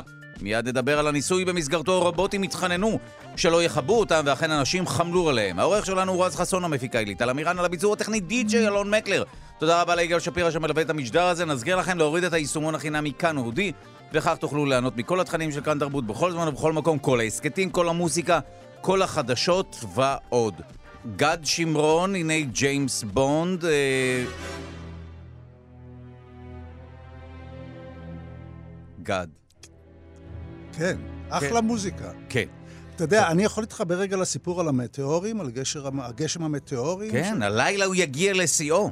כי לפעמים, אבל זה סיפור באמת, זה, זה, איך קוראים לזה, זה הקשרים קצת מוזרים, אני מקווה שהמאזינים יעקבו אחריי. כי, אתה יודע, מטוס הסילון הראשון של המערב, קראו לו מטאור. זה גם היה מטוס הסילון הראשון של חיל האוויר הישראלי, דרך אגב. כן. והוא פותח על ידי האנגלים החל מ-43, ובסוף מלחמת העולם השנייה היה סיפור שפשוט קשה להאמין. הרוסים יום אחד מקבלים הודעה מהבריטים, הבטחנו לתת לכם את המנוע הסילון הראשון שפיתחנו על פי ההסכם במסגרת המלחמה נגד הנאצים. בינתיים, אני מזכיר לך, נגמרה המלחמה והתחילה המלחמה הקרה. אה. במודיעין הבריטי תלשו את השערות כשהסתבר שמישהו במשרד החוץ הבריטי החליט למרות המצב החדש מול ברית המועצות, בלי לשאול אותם, לפרגן להם. והעבירו לרוסים את המנוע הסילון הראשון שהבריטים בנו. עכשיו, הרוסים היו בטוחים שיש פה קאץ'. ודאי, סוס טרויאני. מה זה סוס טרויאני? כל הלהבים עובדים הפוך בתוך ודאי. הטורבינה. פירקו וזה, בסוף הגיעו למסקנה. הבריטים נאיבים, באמת זה המנוע האמיתי. זה חסך להם לפחות שלוש שנים של פיתוח. די. הנה, אתה רואה, לא תמיד צריך מרגלים, לפעמים צריך מטומטמים. טוב, צריך להשיג, אז אתה אומר מרגל טוב או מטומטם טוב בצד השני. זה בדיוק. הנה, יש לנו עוד כותרת. אה, גד, אתה, רגע לפני שנדבר על העלילות של ג'יימס בונד, בוא נדבר לרגע על אה, אחד המבצעים שהיית קשור, כמובן, מוכחש וכולי, אנחנו נראה בך בתום המשדר. העלאת יהודים מאתיופיה ב... במסגרת איזשהו מבצע מרתק, שגם אני ראיתי לאחרונה עליו כתבה ובקרוב סרט, נכון? אכן, אכן, זה באמת מבצע ג'יימס בונד ציוני. כן. כן, כי אני, תראה, אם היה נניח ראש ממשלת צרפת בא לראש הביון הצרפתי ואומר לו, יש צרפתים באיזשהו מקום, צריך להוציא אותם, כמה אלפים, תביא אותם אליי, אז ראש הביון הצרפתי היה מסתכל ואומר לו, מה אתה רוצה ממני? אני ארגון ביון, לא ארגון הומניטרי. לעומת זאת, ב-1977, ראש הממשלה מנחם בגין קורא לראש המוסד דאז, חכה, ואומר לו, יש יהודים אתיופים שברחו לסודאן בגלל המצב באתיופיה וכולי, והם אה, אה, צריכים להגיע לארץ. הבא לי את יהודי אתיופיה. אגב, זה שם הספר שכתבתי אחר כך על המבצע הזה. ואז אה, באמת אה, אה, חכה לא אמר לו, כמו עמיתו הצרפתי, מה לי ולזה, כי המוסד באמת, בין השאר, עושה גם בחילוץ יהודים ממדינות מצוקה. זאת אומרת. זה מעבר לפעולות ביון כן, כן, זה מקובלות. אחת, הסיבות שהפכו את ארגון הביון הישראלי לכזה בעל מוניטין שעושה דברים שאחרים לא עושים. ואז באמת היה צריך לחשוב, קודם כל לראות שבאמת יש יהודים אתיופים במחנות הפליטים בסודאן, ששלחו בחור מאוד אמיץ אה, בשם דני, שמצא אותם והם לא האמינו לו בהתחלה, כי הם חשבו שכל היהודים שחורים. מה זה פתאום מופיע להם יהודי לבן, מעניין. בלונדיני, אה, ואומר, עד שהוא לא התפלל איתם, הם לא האמינו שהוא יהודי. בכל אופן, אה, הוא חזר לארץ ואמר, יש יהודים, צריך להביא אותם. מה עושים? הרי צריך, אני מזכיר לך, סודאן מדינה ערבית, מדינה עוינת, כן. מדינת אויב, ואז החליטו, אה, מצאו כפר נופש נטוש, אני לא אכנס לכל הסיפור, אבל היה כפר 40 קילומטר מצפון לעיר הנמל הכי גדולה בסודאן. כפר נופש נטוש, בנו אותו איטלקים, הם עזבו כי לא היה חשמל, לא היה מים, היו הבטחות, אבל לא היה מה לעשות עם זה, הממשלה הסודנית לא עשתה שום דבר. בקיצור, הקימו חברת כיסוי באירופה, שבאה לסודנים ואמרה, אנחנו חוכרים את המקום, נקים כפר נופש, זה אתר צלילה מדהים, זאת אומרת, כל מי שראה סרטים של ז'אן ז'אק קוסטו יודע על מה אני מדבר. כן. Okay. והקימו חברה שלכאורה הפעילה את הכפר מחדש, המצחיק הוא שהוא באמת התחיל לפעול והוא התחיל להכניס כסף. אתה יודע, זו בעיה. כי רוב חברות הכיסוי שהמוסד מקים במסגרת הפעילות החשאית שלו מפסידות כסף. פתאום פה התחיל להיכנס אולי, כסף. איך עוד... אתה מסביר את זה לרפרנט של משרד האוצר? אולי שווה ש... שהמוסד יתחיל לייצר כסף, אולי מחסויות, מפרסומות. בקיצור... בחסות? כן, אז הקימו כפר נופש שפעל יפה, שימש כסיפור כיסוי לכל ה... החבורה הדי מטורפת. שמהסגל שם שהפעיל את הכפר, היו אנשים שלנו, כן? כולם היו ישראלים. היו כמובן מקומיים, הטבחים והחדרניות כן. וכולי, היו מקומיים, אבל היה צוות מקומי קבוע, אה, ובדרך כלל היו כאילו... מגיעים לקראת מבצעים, היו מגיעים, לפעמים אפילו בתור אה, תיירים דרך אגב, היו מגיעים לכפר הנופש. זה אפשר לנו להסתובב בכל רחבי סודאן. אה, שוב, זאת מדינה, קשה היום להסביר בשנת 2018 מה זה סודאן בתחילת שנות ה-80, כן? מה זה היה באמת? אתה מכיר את חוק מרפי? If anything has to go wrong it will? זה לא חוק מרפי, זה חוק סודאן, אוקיי? כי זה מה שקורה שם? זה מה שקרה שם. מדינה פשוט לא... כביש אחד של 1,100 קילומטר, בלי אף תחנת דלק, בלי אף מוסך. אה, אין מילת תחזוקה לא קיימת, כל 50 קילומטר אה, מחסום דרכים של המשטרה או של הצבא. לך תפעל בתנאים כאלה. אה, אבל אני, עבדנו יפה, הצלחנו להוציא אלפי יהודים ממחנות הפליטים, להביא אותם לחוף ולהעביר אותם לשייטת 13, שלקחו אותם לאונייה של חיל הים שהסתובבה בים בתור אוניית סוחר. אחר כך הייתה לנו פעם איזה תקרית ירי, ירו עלינו, סיפור לא נעים, אז עברנו למבצעים אוויריים. הנחתנו מטוסי הרקולס באמצע המדבר. ודבר אחד אני חייב לציין פה, הגיבורים האמיתיים של הסיפור הזה, כן. יהודי אתיופיה. לא אנשי המוסד ולא אנשי השייטת ולא טייסי חיל אוויר, יהודי אתיופיה, מה שהם עברו בדרך להגשים את חלומם להגיע לציון, אף ישראלי ותיק לא היה מחזיק מעמד יומיים. מחנות הפליטים בסודאן, אתה יודע כן. מה? מחנות הפליטים בעזה זה בברלי הילס לעומת מחנות הפליטים בסודאן. ואני חושב שמגיע הכבוד ליהודי אתיופיה על מה שהם עברו. לצערי, ברגע שהמוסד העלה אותם לארץ, המוסד לביטוח לאומי עשה... לא, אני צוחק, אבל אין בור... יש מוסד ויש מוסד. אין בור, אין בור בנתיב הקליטה שלהם, שארגוני הממשלה לדורותיהם לא נפלו אליו בנושא טוב, קליטת יהודי אתיופיה. זה באמת אה, סוף סיפור, עצוב קצת, סיפור עצוב. אבל עד לנקודה הזו זה היה יכול להיות סוף שמח. יכולת לעצור צעד אחד לפני כן. קשיי הקליטה, לא, ואז תראה, אני ציוני, אני ציוני ציני, כלומר, אני מכיר, אני מאוד אוהב את הארץ, אבל אסור להתעלם מהבעיות שיש פה, ואנחנו חברה גזענית, היחס ליהודי אתיופיה הוא מחפיר. אה, וחבל שזה כך, אחרי שעשו כאלה מאמצים להביא אותם. ודאי, ודאי, אנחנו... אה, טוב, מסכים, כמובן שגזענות, אה, כפי שרבים וחכמים אמרו, ראשית בשקר יסודה, וזה משהו שצריך לעקור מהשורש, לשרש וכולי. אנחנו נש... שלום לכם. יש לי סימפתיה לרובוטים. חוקרים מאוניברסיטת דויסבורג, אסן שבגרמניה הוכיחו שאינטראקציה בין בני אדם לרובוטים יכולה להוביל לשינוי בהתנהגות שלנו, בני האדם, לאותם רובוטים, ובני האדם מתחילים להתייחס לרובוטים בצורה אנושית, ואף מרגישים כלפיהם רגשות כמו למשל חמלה. במסגרת הניסוי 43 נבדקים שהו זמן מה עם רובוט, קיימו איתם אינטראקציה או עם הרובוט, לאחר מכן הם התבקשו לכבות את הרובוט, ובמקרים בהם הרובוטים ביקשו שלא לכבות אותם, ממש התחננו, חלק מהנבדקים אכן לא כיבו את הרובוט. מילא להתייחס לבני אדם בצורה לא אנושית, זה כבר קיבלנו, אבל להתייחס ללא בני אדם בצורה אנושית? שלום לדוקטור אורן צוקרמן, מנהל המעבדה לחדשנות במדיה מבית הספר לתקשורת, המרכז הבינתחומי הרצליה, וחוקר את האינטראקציה בין אנשים לרובוטים. שלום לך. שלום, בוקר טוב. אם תוכל באמת לספר לנו מה חדש במחקר הזה. אנחנו יודעים הרי שרובוט, בניגוד למכשירים אלקטרוניים אחרים, הוא פשוט נראה אנושי, ולכן מן הסתם נתייחס אליו קצת יותר באנושיות, כמו שילד או ילדה מתייחסים לבובה. אבל מה החידוש פה?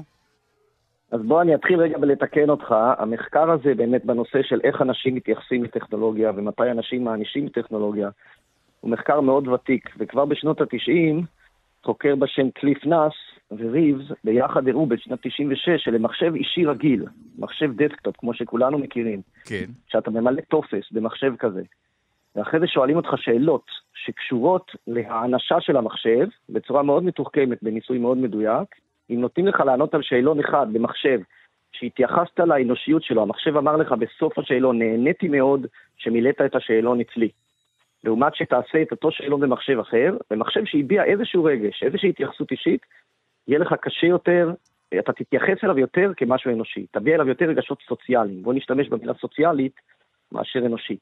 אז מעניין. התיקון הראשון, זה גם אחד מהגורמים העיקריים במחקר שלנו, שזה לא קשור לאיך המחשב נראה. יש לנו mm. איזושהי תחושה ראשונית כבני אדם, שאם משהו נראה אנושי, או נראה כמו יצור חמוד, או נראה כמו בובה, או נראה כמו איזושהי אה, דמות מפיקסאר, אנחנו מיד נתייחס אליו כאילו הוא חמוד, נכון. כאילו אנושי. אבל במחקר בתחום הזה של אינטראקציה בין אנשים לרובוטים, דברים שגם בתחום של אובייקטים רובוטים, רובוטים שנראים כמו אובייקט, נגיד כמו מנורה, או נגיד כמו שולחן, או נגיד סתם כמו כדור, ולא כמו שום דבר אחר, ברגע שהם יעשו תנועה או תגובתיות, שהיא מגיבה אליי בטיימינג נכון ובצורה שמרגישה לי כאילו הוא מגיב אליי, מיד אני אעשה לו האנשה, וירגיש שיש פה איזשהו משהו סוציאלי. טוב, אז זה כבר אז אה, מחדש לנו, זאת אומרת, זה כבר אה, לא רק סותר את האינטואיציה, אלא, טוב, קודם כל זה כבר מעניין, אוקיי. כן, אז אני מסכים שזה מאוד מעניין. אז לגבי הניסוי הזה, הוא ניסוי נפלא והוא נעשה בצורה מאוד יסודית. כן. אמ, אז הוא לא מחדש ברמה הבסיסית שאנשים מענישים טכנולוגיה ושאנשים מתייחסים לטכנולוגיה כמשהו סוציאלי. הוא כן לקח את זה כמה צעדים קדימה בזה שהם הסתכלו ספציפית על חמלה. ובנושא הזה שבאמת לא רצו לכבות אותו וחשבו שהם יפגעו בו אם הם יקבו אותו. אה, ובזה זה כן היה משהו מעניין מאוד. אני חושב שהגורם המטעה במחקר הזה, ואותו אפשר היה להדגיש, עדיין המחקר הוא מאוד משובח, זה בדיוק איך שאתה פירשת אותו, וזה שזה לפי זה שזה נראה כמו רובוט אנושי. נכון. כי הם בחרו סוג מאוד מסוים של רובוט. יש שם הרבה מאוד רובוטים לעשות איתם מחקרים. ויש רובוטים שנקראים בתחום שלנו אנתרופומורפים. זה אומר שהם נראים כמו אדם, כמו יצור. אה, ואז בעצם אתה עושה אינטראקציה עם משהו שמגלם שני דברים ביחד. הוא גם נראה כמו יצור, אבל הוא גם מתנהג בצורה רספונסיבית. ומחקרית קשה להפריד ביניהם. אז אה, האינטואיציה תגיד, כן, זה בגלל שהוא נראה כמו בן אדם. אבל לא בהכרח, לא. אתה אומר. בדיוק. ממש לא. זאת אומרת, הוא יכול היה כן. להיות קופסה, אבל אם היא הייתה מתחננת על חייה, אל תחבר אותי, אז אה, אכן הייתי מתייחס אליה בצורה סוציאלית, או אנושית, או איך שלא נקרא לזה. בדיוק. וכולנו, לצערנו, מתנסים בזה עם הטלפונים שלנו, עם הטלפונים החכמים, שהקשר האישי שנוצר בין אדם לטלפון והיחסים שאנשים מפתחים היום עם הסמארטפון שלהם בגלל התלות היא אדירה. אה, ולפני זה זה היה עם אה, מחשבים אישיים ועם לפטופים ועם דסקטופים, אז הנושא הוא לא חדש. אבל הדקויות של מה באמת רובוט מסוגל לעשות ואיך האינטראקציה שלנו עם רובוט הופכת לסוציאלית, זה תחום מאוד חדש ומאוד מרתק. טוב, אה, בבקשה, הנה, עכשיו שומעים אותך, בבקשה. כן, אבל אה, יש הרי עניין של, אני, לא מחקר אה, מדעי, אבל לדעתי 90% מהאנשים צועקים על ווייז כאשר הוא נותן להם הוראה שהם לא מבינים. כלומר, יש איזו נכון. אינטראקציה מאוד ברורה בין מי שמקבל הוראות מהדבר הזה, שאומר לו, לך ימינה, והוא אומר, אבל אני צריך שמאלה, וממש מדברים איתם. כן, נכון, אני מסכים מאוד. אני יכול לספר שסבתי, כשהייתה מתקשרת לברר מה השעה ב-155, זה היה פעם, או 15, היא הייתה אומרת לה תמיד תודה. אבל זה, זה כבר, טוב, זה, אולי זה כבר נימוס. אה, אבל כן, מה שנשמע לנו אנושי, או כפי שאתה חידדת אה, טוב ממני, באמת, כל מה שיש אינטראקציה איתו, יש תגובתיות וכולי, זה משהו שמעורר בנו כנראה רגשות אה, כמעט אנושיים או סוציאליים. נכון. אני הייתי אומר, אנחנו עכשיו באמת מבצעים אצלנו במרכז הבינתחומי אה, ממש אה, מספר מחקרים שמנסים להבין את זה הרבה יותר לעומק. ואנחנו מנסים להפריד בדיוק את מה שהבחנתי קודם, האם זה הצורה, כן. או האם זה התגובתיות. אה, ואנחנו, יש לנו כבר ממצאים מאוד טובים שמראים שזה התגובתיות ולא הצורה. ואנחנו מנסים להבין כמה אוטומטי זה, כמה אוטומטי אנחנו ניתן את הפרשנות הסוציאלית הזאת לדברים טכנולוגיים, וכרגע נראה לנו שזה מאוד אוטומטי. אה, ויש תחושה ממש שהטבע האנושי ממש כל הזמן מחפש רמזים חברתיים, ועם ה... הישות הטכנולוגית הזאת, לא חשוב מה היא תהיה, מחשב אישי או ווייז, או סמארטפון או רובוט, ייתן לנו רמזים שמזכירים לנו משהו אנושי, אנחנו mm. מהר מאוד זאת אומרת, אנחנו נקטלג אותו בקטגוריה הזאת. אנחנו מתוכנתים לחפש את התגובתיות, ואם אנחנו מאתרים אותה, אנחנו מיד מייצרים התנהגות סוציאלית איתה. כן, הייתי אומר שעד שלא, עד שהטכנולוגיה לא תשלול את זה בצורה נורא נורא ברורה, אנחנו אולי אפילו נניח את זה מראש. אה, ויש גם מחקרים, אנחנו עושים היום מחקר בשיתוף פעולה עם האוניברסיטה העברית בנושא של אה, באמת אה, זיהוי פעילות מוחית. ויש משהו מרתק בנושא של פעילות מוחית שנקרא נוירוני מראה, מירור נוירונס, שנוירוני מראה הם אחראים בין שאר הדברים על אינטראקציה סוציאלית, וכשאני רואה בן אדם מולי לעומת שאני רואה עץ מולי, אז התנועה האנושית, בן אדם ינפנף לי נניח, ואז הנוירוני המראה יהיו באקטיבציה אה, משמעותית הרבה יותר אלה פשוט תאים נוירונים במוח שלנו שנקראים נוירוני מראה, נכון? כן. כן, והם אחראים בין היתר לפעולות של חיקוי, אבל אתה אומר שהן גם קשורות לה, להתנהגות... לזיהוי. ה... כן, לז... אוקיי. לזיהוי. אנחנו עכשיו בדקנו תנועה של רובוט שנראה מאוד כאובייקט, וניסינו להסתכל על התנועה שלו, וראינו שהוא עושה תנועה שיש לה מטרה, נניח במקרה הזה הוא יסתכל לכיוון של עציץ, ובכלל לא יסתכל לכיוון של בן אדם אחר, הנוירוני מראה היו באקטיבציה, וכשהוא יסתכל לכיוון האוויר, לשום וואו. דבר, לא הייתה אקטיבציה. אז אנחנו עוד אין לנו את הממצאים הסופיים של זה, אבל זה נראה שיכול להיות שכשאנחנו רואים משהו שהתגובתיות שלו נראה כי יש לו כוונה, כאילו יש לו אינטנט, הוא מנסה לעשות משהו. אוקיי, הוא מסתכל על העציץ, הוא מתעניין בעציץ. כן, מיד אנחנו משליכים על זה איזושהי כוונה, איזשהו אינטנט, ואז אנחנו מפרשים את זה כגוף סוציאלי קצת יותר. שמה, זה נשמע מרתק אה, וגם אומר משהו על עצמנו, בלי, בלי קשר לאינטראקציה עצמה. טוב, אני רוצה כן, להודות... זה גם מראה המון על, על העתיד. אם אנחנו מסתכלים על העתיד, יש היום את התחום שנקרא IoT, האינטרנט של הדברים, ה-Internet of Things, שהוא תחום מאוד אקטיבי כבר כעשר שנים. אבל עכשיו הוא אקטיבי הרבה יותר. שלמעשה כל דבר יהיה מחובר בעתיד לרשת. נכון. כן. כן, אז נגיד זה מאוד פופולרי היום בנושא של voice assistants, נגיד ה Google Home או Amazon Echo, Alexa, שזה אובייקטים שאפשר לדבר אליהם והם מתחברים לאינטרנט ועונים לנו ונותנים לנו כל מיני שירותים. אה, אז בדיוק כמו ש Waze מדבר אלינו, ועכשיו האובייקט הזה מדבר אלינו, העשר שנים הקרובות מבחינת החיים של בני אדם וטכנולוגיה הולכים להשתנות עוד הרבה מאוד. אם אנחנו חושבים שטכנולוגיה כבר הוטמעה בכל דבר בחיים שלנו וכבר הגזמנו קצת, אז uh, עוד מצפה לנו הרבה יותר. והמקום הזה של אינטראקציה סוציאלית הולך להיות חלק אדיר מהעתיד הזה, כי כל הטכנולוגיות האלה, המבוססות AI או מה שזה לא יהיה, ינסו להתנהג כמו שבן אדם אחר מתנהג, כדי להפוך את האינטראקציה לטבעית עבורנו. טוב, מה שוודאי ייצר אנשים בעתיד שהם יהיו בודדים ומדברים להם בחפצים דוממים. או שאולי יהיה פחות בודדים. מעניין. חוקרים, גם חוקרים מנסים לעזור גם בתחומים האלה. נכון. טוב, תודה רבה לדוקטור אורן צוקרמן, מנהל המעבדה לחדשנות במדיה, מבית הספר לתקשורת, המרכז הבינתחומי הרצליה, וחוקר אינטראקציה בין אנשים לרובוטים. תודה לך. תודה לכם, ביי ביי. ואנחנו חוזרים לגד שמרון, אה, שלא נזכיר שהוא היה במוסד כמובן, אבל המוסיקה מסגירה את גולדפינגר. כן. אנחנו רוצים באמת לחזור לסרטי הריגול ולספרי הריגול אה, ולבדוק באמצעותך, כמי שגם מכיר את הסיפורים האלה, וגם חי חיים של אה, ביון ריגול וכולי, עד כמה העלילות בסרטים האלה מזכירות את מה שקורה במציאות?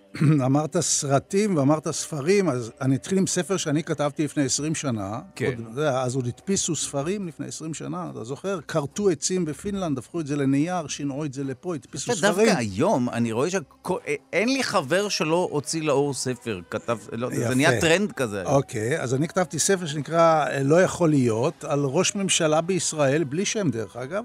שנסחט על ידי רעייתו שהיא לא לגמרי אה, יציבה, ומגלה את זה המאבטח האישי, כן. שלא יודע מה לעשות עם המידע הזה. אז הוא הולך לראש השב"כ, שגם כן לא יודע מה לעשות עם זה.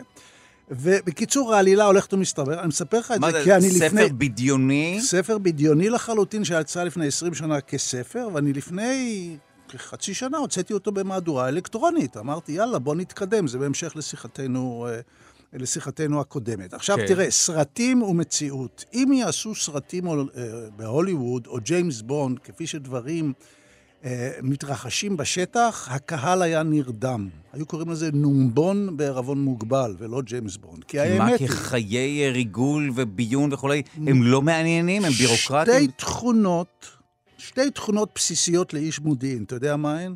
הראשונה, אמינות מוחלטת. כי כן. הרבה פעמים אתה עובד בשטח לבד, ואם אתה חוזר ולא מדווח באמת מה שעשית, אז הכל שווה, אתה יודע למה. פה נפל העורך שלנו, רז חסון, לדבריו. לא, זו לא כן. דעתי, זו גם דעתי, אבל זו לא דעתי. ודבר שני, זה סבלנות. כי רוב הפעילות זה, אנשים לא יודעים את זה, לחכות. אתה מחכה שהאובייקט יגיע, אתה מתצפת עליו, אתה מחכה שמשהו יקרה, אתה יושב כן, בהמתנה. אין, אין עריכה בחיים אין של איש ריגול. אין עריכה, ואם אתה ממצמץ לשנייה, אתה יודע, דיברנו על נושא של אמצעים טכנולוגיים וכולי, פעם, אתה יודע כמה שעות תצפית אני שרפתי בחיים? היום כמובן זה הרבה יותר פשוט, אתה שם מצלמה או איזה מכשיר, כן, לא משנה, שמיד מזהה גם את הפרצוף של מי שנכנס. אם היו עושים סרטים כמו במציאות, זה היה משעמם. אבל מה, באים מפיקים ומכניסים לך ב-90 דקות התחלה, עלילה וסיום עם הרבה יריות, אז יש לך סרט אה, ביון יפה וכו'. זאת אומרת, זה הכל קשקוש, כל הסרטים האלה? אין להם קשר למציאות? כן ולא, כי היו כמה סרטים באמת טובים, שבדרך כלל נעשו לפי, על פי ספרים של סופרים גם שבאו מעולם הביון, למשל ג'ון לקארי זו דוגמה קלאסית, הסרטים שנעשו על פי ספרים שלו, מאוד דומים למציאות, למרות שהם נמשכים רק שעה וחצי. אה, אבל אני רוצה לומר משהו שאני זה... אמרתי אותו כמה פעמים בכל מיני הזדמנויות, כן. ואני חושב שמה שמייחד את קהילת המודיעין הישראלית, מהמעט שאני יודע עליה, ובטח מהמאוד מעט שאני יודע עליה היום, כי אני לא מעודכן, אני תמיד טוען שעוד לא נולד בהוליווד התסריטאי שאכל מספיק פטריות הזיה, כדי לכתוב תסריט שיתאים לחלק מהדברים שקהילת המודיעין הישראלית עשתה. וואו. בנושא הזה, היצירתיות של קהילת המודיעין הישראלית היא באמת, היא חוצה גבולות, היא לא תיאמן. וזו אחת הסיבות, לה, באמת, גם להצלחות וגם למוניטין של ארגון ה... של קהילת המודיעין אה, הישראלית בכלל. כפי שהקלישאות אומרות, המציאות כאן בישראל לפחות עולה על אה, כל דמיון, בכל פש... מה שקשור לביון וריגול. פשוט אי אפשר לתאר, באמת, מהבחינה הזאת. אבל כפי שציינתי, עולם הריגול עצמו, יש בו המון המון המון שעות מתות, אבל יש כמה דקות, לפעמים שניות, של ריגוש והרגשה מדהימה שמפצות על כל השאר, ואם זה מזכיר קצת אקט מיני, אין מה אה, לעשות. אה, לא, האמת שזה הזכיר לי משהו אחר לגמרי, כמו לשחק בסרט קולנוע. זה 99 אחוז המתנה, המתנה, ואז המצלמה נדלקת, אתה עושה משהו. אבל אם אמרת אקט מיני, אולי אתה... זה הסוצ... כל אחד ועולם האסוציאציות שלו. אכן, אכן. פחות בתחום. אוקיי, טוב, אני רוצה להודות לך על זה. רגע לפני שנמשיך ונשמע שיר, כן חשוב לי, הזכרת מעט את הטכנולוגיה, שכמובן נכנסה לפעולה גם בתחום הביון והריגול היום.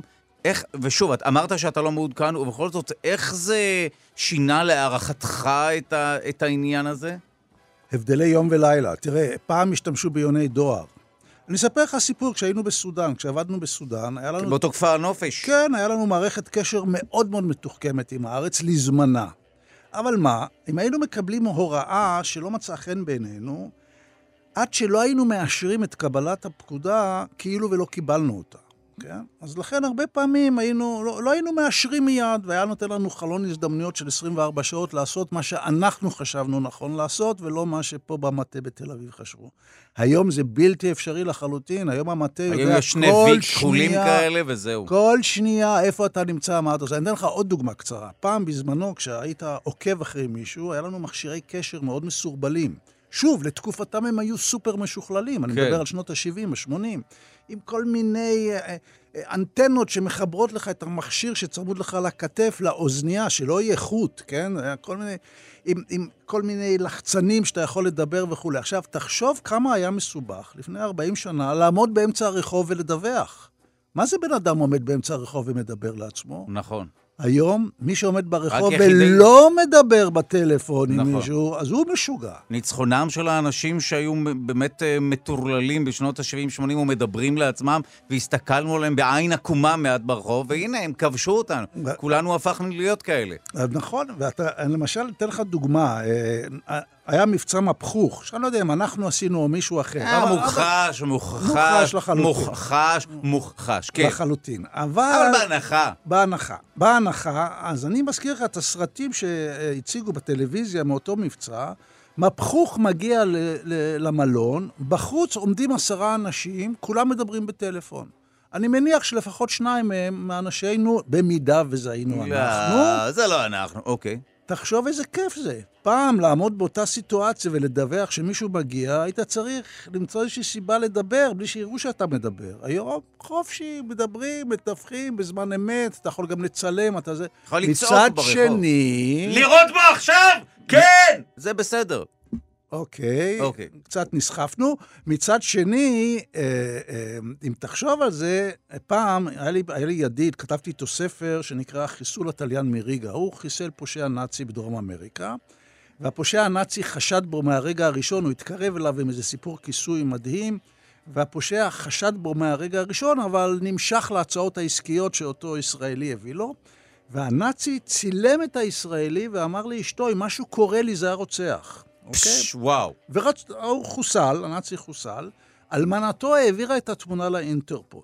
במשך שנים, אותו ידידי היה עובר גבולות כשכרזה גדולה של האינטרפול מבוקש על רצח. ש- וואו. היום זה בלתי אפשרי, כי היום לכל פקיד הגירה ולכל שוטר בעמדת גבול יש יותר מידע בזכות המחשב מאשר היה לאדגר הובר, ראש ה-FBI בזמנו. והראיה למשל במבצע מפחוך, שכמובן אנחנו לא שייכים אליו, שנחשפו כל מי ש... לא נחשפו, כלומר אף אחד לא נתפס, אבל ראינו צילומים ושמענו על כתובות ועל טלפונים וכולי. אנחנו היום חיים בעידן ששום דבר לא נשכח. הכל מצולם, הכל מעובד, מאוד קשה לעבוד. מצד שני, יש לזה יתרונות. אם אתה מצליח להיכנס לתוך המערכת, אז בעצם אתה יכול לעשות מה שאתה רוצה. כלומר, כמו בכל דבר, כמו רכב, אתה יודע, המכוניות הורגות מיליון אנשים בשנה בעולם, מצד שני עושות לנו את החיים למאוד קלים. כל דבר יש פלוס ומינוס.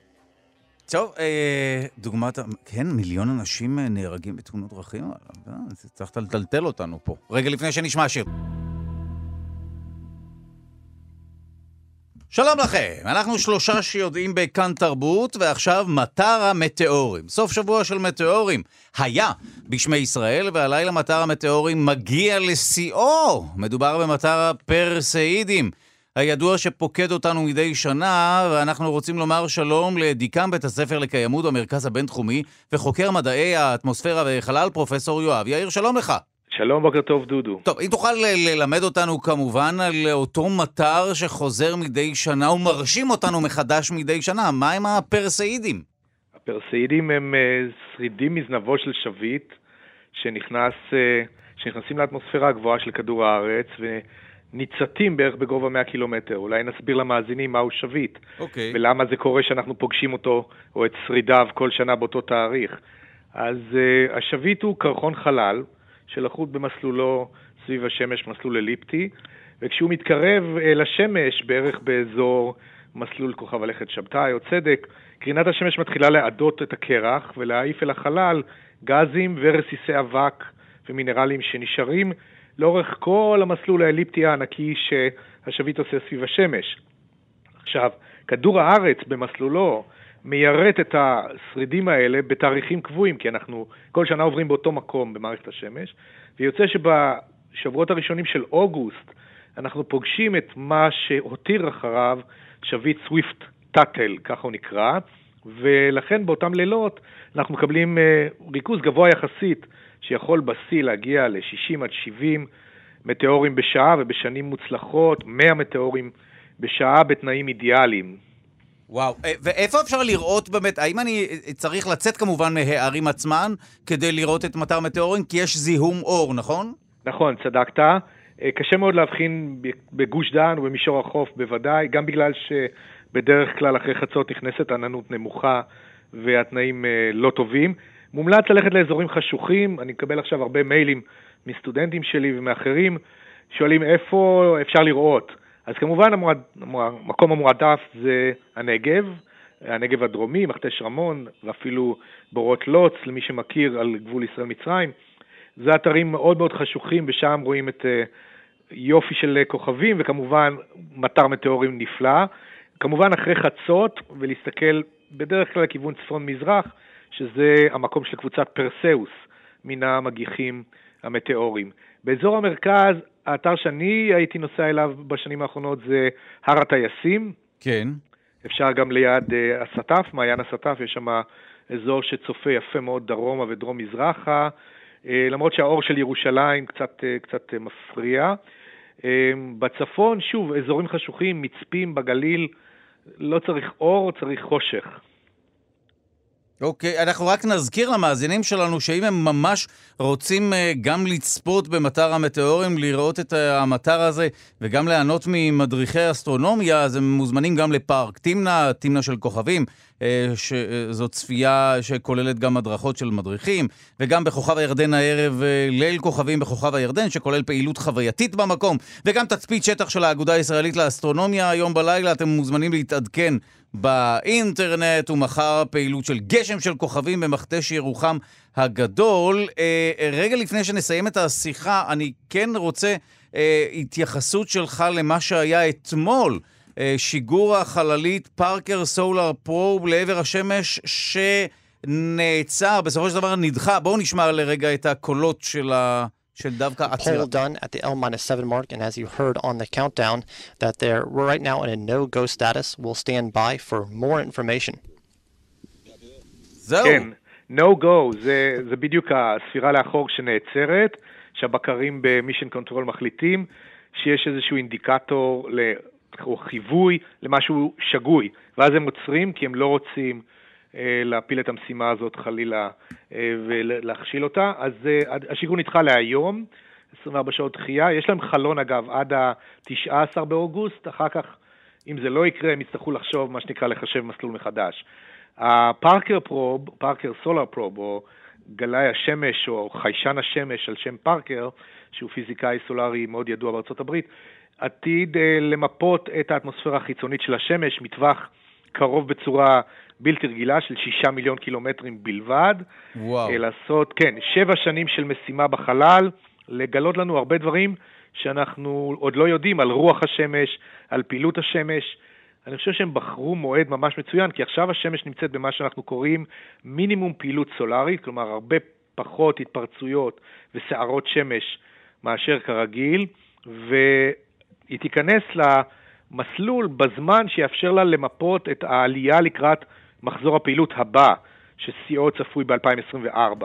אז uh, יש לנו, uh, איך לומר, גישושית ראשונה שהולכת להתקרב מאוד מאוד אל השמש, והבדיחות הישנות של איך חוקרים את השמש צריך לטוס בלילה, uh, לא תופסות הפעם, כי הם באמת מתכוונים לשהות שם הרבה מאוד זמן ומאוד מאוד קרוב. מאוד קרוב. אה, שוב נזכיר שהשיגור החללית אה, פארקר סולר פופ אה, מתוכנן להיום, זאת אומרת הוא נדחה מאתמול להיום, נכון? זה באזור נכון, בדיוק. עשר וחצי כן. בבוקר. ואנחנו כמובן נעדכן אם יהיו התפתחויות במהלך התוכנית שלנו, ומדובר בחקירת האטמוספירה של השמש. רגע לפני שנסיים את השיחה, שוב, מפתיע אותי שלשמש יש בכלל אטמוספירה. האם מדובר במשהו שהוא מזכיר מעט אטמוספירה אה, כמו שלנו? מדובר בתערובת גזים, או שזה משהו אחר לגמרי, כשמדברים טוב. על אטמוספירה של שמש? נכון, דודו, זה, זה אטמוספירה של כוכבים, mm. שהיא שונה מאוד מאוד מהאטמוספירה של כוכבי לכת. אה, אוקיי. זה, זה, בוא נאמר, ענן של פלזמה, גז מיונן בטמפרטורה גבוהה מאוד. האטמוספירה של השמש היא בטמפרטורה של מיליון מעלות, אה, ומתפשטת אל תוך החלל, ומדי פעם מעיפה אלינו זרמים של חלקיקים טעונים חשמלית במהירויות שבין 400 ל-700 קילומטר בשנייה, אלה פרצי רוח השמש, ולמה זה חשוב? כי כל צי הלוויינים שלנו וכל השדה הגיאומגנטי שלנו מושפעים חזק מאוד מפעילות השמש ומהסערות הגיאומגנטיות האלה. ולכן חשוב לנו לדעת מראש ולנבא אותן ולתת מרחב התראה אה, של כמה שעות אפילו, אם יש התפרצות כזאת מהשמש. זה אחד הדברים שהפארקר סולר פרוב הולך לתת לנו.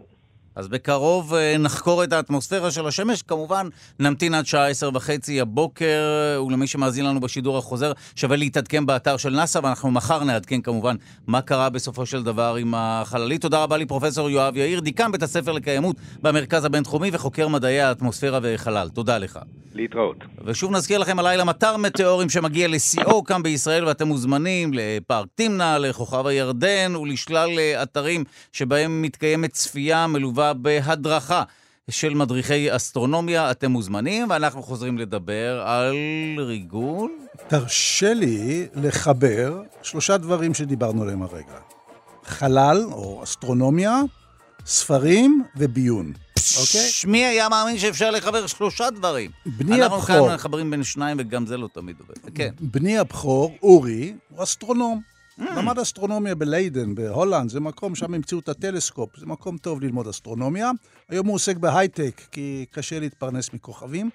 ואני מספר את זה מכיוון שלפני הרבה מאוד שנים, כשהייתי גרוש טרי, הרפתקן, ועבדתי באותה עבודה שאתה לא רוצה להגיד את שמה במפורש. לא כן? חשוב שמו. כן. אמ, ונקרעתי מגעגועים לבן הבכור שלי, כי הייתי מגיע לארץ פעם בשלושה חודשים, לשלושה ארבעה שבועות, ואז שוב נוסע. אז חשבתי על סיפור לילדים, ולמדתי אותו בעל פה, כי לא יכולתי לכתוב, אני לא יכולתי לכתוב בעברית היכן שהייתי, mm. כן? הייתי בכיסוי מלא וכולי וכולי. ואז חזרתי לארץ והייתי על מכונת כתיבה מדפיס את הסיפור, ויום אחד הקראתי לו את הסיפור, ושכחתי ממנו.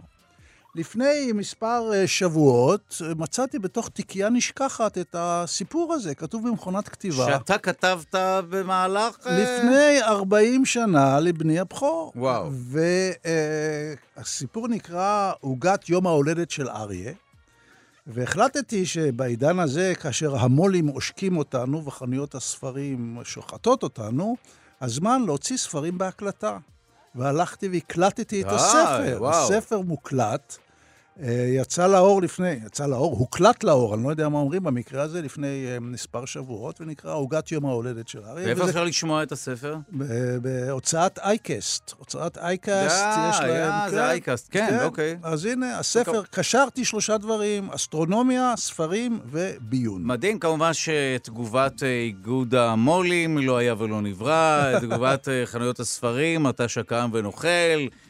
כל תגובת עם ישראל, אתה יודע, אבל שווה כן, לשמוע. כן, כן. האמת ש... שזה נכון שתהליך של הוצאה לאור של ספר, ודאי במימונך האישי, הוא תהליך יקר שלא מבטיח רווח, אלא בעיקר הפסד. אה, אלא אם אתה עושה את זה בשביל הפאן, ואם הוצאה לאור לוקחת את הספר, גם אז ודאי לא תרוויח המון. למזלנו, אני הולך פה להגיד מילה טובה על ארגון שבזמן האחרון זוכה להשמצות, גוגל. ואמזון. כי היום אם אתה מוציא ספר בחו"ל, בהצעה, בהוצאה אלקטרונית, ואתה כן. מוציא אותו לבד, אז 70 אחוז מההכנסות הולכות אליך. Mm. ואני יכול להעיד שאני מדי פעם מגיע צ'ק יפה, כי, כי כמה מספריי תורגמו לאנגלית וצרפתית וגרמנית, מגיע סכום נאה בצ'ק, ולא צריך להיות תלויים במו"לים הישראלים, שהם, בוא נאמר, אני... לא מאוד נדיבים בשנים לא, האחרונות. לא, נכון. שוב, אתה יודע, להם יש את השיקולים שלהם, אבל אתה צודק לגמרי שהיום יש אלטרנטיבות למי שרוצה להוציא לאור אה, ספר. בואו אה, נסיים עם אחד המבצעים של האחרונה, לפחות אה, ראש הממשלה הציג במסיבת עיתונאים וכולי, וזה כל עניין האיראנים והקלסרים. ואותה תוכנית גרעין איראנית שהגיעה לכאן בצורה של קלסרים מוסתרים מאחורי וילון. אתה יודע, אני... ונכון, היו שם גם תקליטורים וכולי. אז תשמע, אני אה, ראיתי את מסיבת העיתונאים שעשו מאוד, אני מוכרח לציין שלא רק אני, אלא רבים אחרים גם תהו עם מין ה... תבונה היה לפרסם את הסיפור הזה כפי שעשו את זה, אבל אתה יודע, כן. ראש הממשלה הוא המפקד של המוסד, ומותר לו כמובן להחליט שזה מה שהוא צריך לעשות. אני משער שכן היו אה, טיעונים בעד פרסום תפיסת המסמכים האיראנים, איזשהו צורך ונגד, מדיני. בעד בעד ונגד, כן. עכשיו צריך לומר ככה, קודם כל, כל הכבוד לאנשים שעשו את המבצע, באמת, אתה... אנשים לא מבינים מה זה לפעול במדינת יעד, במדינת אויב. אה, כאשר כל שלב בכל צעד שאתה עושה זה מבצע בפני עצמו. כלומר, המבצע של קודם כל להיכנס למדינה, המבצע של איפה אתה גר בתוך המדינה, של אמצעי תחבורה, שאתה צריך לדאוג שיהיה לך כלי תחבורה שאי אפשר יהיה אחר כך לעשות backward engineering, מה שנקרא, ולמצוא uh, את הפרטים שלך. וכמובן הנושא של uh, לעשות את המבצע, ואחרי זה לצאת בשלום ולחזור לארץ ולדווח, עשיתי את זה. מבצעים מאוד מסובכים, אה, באמת, רק להסיר את הכובע בפני מי שעשו את זה, הם סופר מקצוענים. אה, אה, שוב, אני למדתי אבל דבר אחד, אני מוכרח להגיד לך, שהרבה פעמים מה שמדווח הוא לא בהכרח הסיפור הנכון במלואו. יש כל מיני שיקולים, יכול להיות שלא כל מה שסיפרו לנו זה מה שהיה באמת, ויכול להיות שבכלל הקלסרים האלה לא היו ולא נבראו, יכול להיות שכל החומר נשאב לתוך כן, דיסק זו הייתה. אילוסטרציה, אני חושב שזה לא, זה לא הוסתר של אה, קלסרים שהם היו ברמת התפאורה, רק כדי להמחיש. כן, הלכו, שלחו פקידה באותו בוקר לקרביץ לקנות אבל- 180 קלסרים ו- או ו-190 בדרך כלל זה תקליטורים. איש פרופס שהולך לשוק הפשפשים ומוצא כל מיני יפה. טלפונים ישנים. הפעם אולי באמת היה אפשר לפתור את זה עם חנות של כלי כתיבה. ואת הווילון השחור, יכול להיות שלקחו מהר הרצל, אני לא יודע, אבל אה, בהחלט, אה, אה, תשמע, כן. באמת, מבצע מדהים, והוא מדהים מהבחינה הזאת, שתחשוב רגע הפוך. תחשוב שאיראן מצליחה להשתלט על הארכיון הגרעיני של מדינת ישראל. זה מערת עליבאבא, לא מבחינת מודיעין עכשווי, אלא מבחינת מחקר. אתה מתחיל לנתח את כל מה שיש שם, אתה מגלה שמות של אנשים, שמות של ספקים. אתה יודע מה? אני הולך עכשיו לתת לך סצנריו מדהים. כן. אם יום אחד בא לך להרעיל את כל עובדי מרכז אה, הגרעין האיראני, אתה, יש לך כרגע בתוך הארכיון הזה שם ספק המזון שלהם. אז תעשה איזה מבצע, תגיע לזה, תכניס אוכל למטבח, יאכלו את ה... אה, לא יודע מה, אני יכול וילכו עליהם. ל- לתרום לשיחה הזו הרבה מאוד קפיטריות והרבה מאוד אולפני טלוויזיה שנהגתי לאכול שם, מערת, ומדובר בחיסול מערת. על, מערת עליבאבא מודיעינית, הארכיון הזה. לא. ממש, אני לא חושב שהיה שם איזשהו מידע ספציפי ש, שכרגע רלוונטי, אבל מבחינת מחקר, וואו. אני חושב שעוד הרבה זמן יעבדו על מה שהביאו משם. טוב, אנחנו אה, רגע לפני שנדבר עם אה, יובל מלכי, מיד אחרינו, כאן בכאן תרבות, משודרת בתוכנית אה, היסטוריה לילדים, בהגשתו של יובל מלכי. והנה, יובל נמצא איתנו על הקו, שלום לך. בוקר טוב לכל המאזינים. היי, יובל מלכי, במה תעסוק התוכנית שלך היום? וואו, היום יש לנו את אחד האנשים המופלאים ביותר שחיו מאז ומעולם. די.ג'יי אלון מקלר. אה, כמעט, אה, בן דוד של אלון מקלר, ושמו ליאונרדו דה וינצ'י, אה. שכונה גם האדם הסקרן ביותר בהיסטוריה. חתיכת סיפור, אה, ליאונרדו דה וינצ'י. מה זה, הוא המציא מלא דברים, אה? תיאורטית ולא אה, תיאורטית. תראה, אמרו עליו שהוא התעורר מוקדם בבוקר, כשעוד בחוץ היה חשוך וכולם ישנו. אה, הוא התעורר לפני הרבה מאוד אנשים, וחלק מהדברים שהוא חשב, והוא רשם אותם במחברותיו, בכתב סתרים כמובן, אנשים אחרים חשבו את אותם דברים רק מאות שנים מאוחר יותר. כן, אה? אז בוא, בוא, גד שמרון, בוא תרשה לי להוסיף לך משהו על ליאונרדו דה וינצ'י שלא ידעת. שלא ידעתי. לא. ידעת. בוא תראה, כן. לצי האיטלקי במלחמת העולם השנייה הייתה צוללת בשם ליאונרדו דה וינצ'י. כן. והאיטלקים באיזשהו שלב חשבו לשלוח אותה אה, לכיוון ניו יורק ולשגר ממנה טילים על ניו יורק. אני מדבר איתך על 1942. התחילו כבר בעבודה, הצוללת הועברה לנמל בחוף המערבי של צרפת, והמבצע הזה הופסק מכיוון שמי שזוכר היסטוריה, בקיץ 43 בעלות הברית פלשו לאיטליה, ואיטליה החליפה צד וכולי, ולכן המבצע לא יצא לפועל, והצוללת ליאונרדו דה וינצ'י לא יצאה לחצות את האוקיינוס האטלנטי. טוב, לאיט... לאיטלקים היו הרבה אה, כוונות ומחשבות, אבל אה, רוב הדברים לא יצאו לפועל. בקיצור, עוד. כמה מילים על ליאונרדו. כן, בבקשה. אה, הוא גדל בתור ילד ממזר, זאת אומרת, אה, הוא נולד בנישואים לא חוקיים, ובאיטליה, אם אתה ממזר, לא היה לך הרבה סיכוי להתקדם בחיים, אבל היו לו יכולות יוצאות דופן של אה, סקרנות, של... אה, הוא, הוא ידע לצייר, הוא ידע לפסל, הוא היה אדריכל, הוא תכנן כל מיני מבנים, הוא ידע לנגן בלירה, מין אה, נבל קטן כזה, אבל היו לו המון בעיות, הוא לא סיים דברים שהוא התחיל, יצא לו שם של עצלן, מפירנצי הוא עובר למילאנו, הוא בונה שם דברים מדהימים, יצר את הסעודה האחרונה, בונה סוס ענק מחימר, מסתבך, חוזר, הולך, עובר, עובר ממקום למקום, ממקום למקום, כמו שנהגו הרבה מאוד אנשים לעשות uh, באותה תקופה, אבל uh, לאט לאט יוצא לו שם של uh, אדם מדהים, שבאמת עשה דברים שהיום אפילו קשה לנו להבין איך הוא הצליח לחשוב עליהם. אז יש שם הרבה מאוד סיפורים, וגם, במיוחד לילדים, שמתי שם חלק מהדברים שהוא אהב לעשות, שזה מתיחות, נורא אהב למתוח אנשים. אה, כן? הוא היה אוקיי, עושה כל מיני מעניין. שטויות, עד גיל? מאוד מבוגר.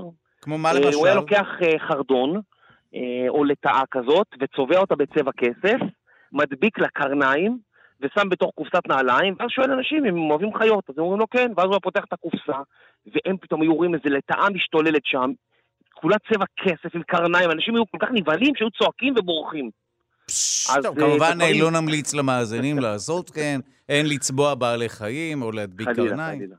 ובכל זאת, מתיחה ראויה, מי שמעריך את הפורמט הזה של מצלמה... הוא לא רצה שיגנבו לו רעיונות, אז הוא למד לכתוב הפוך, מימין לשמאל, בכתב ראי. וואו. זה ממש היה כתב סתרים, שאם היית מוצא מחברת שלו, לא היית יכול לפענח מה כתוב שם. אה, הוא כתב המון המון מחברות שנמצאו רק לפני מאה ומשהו שנים.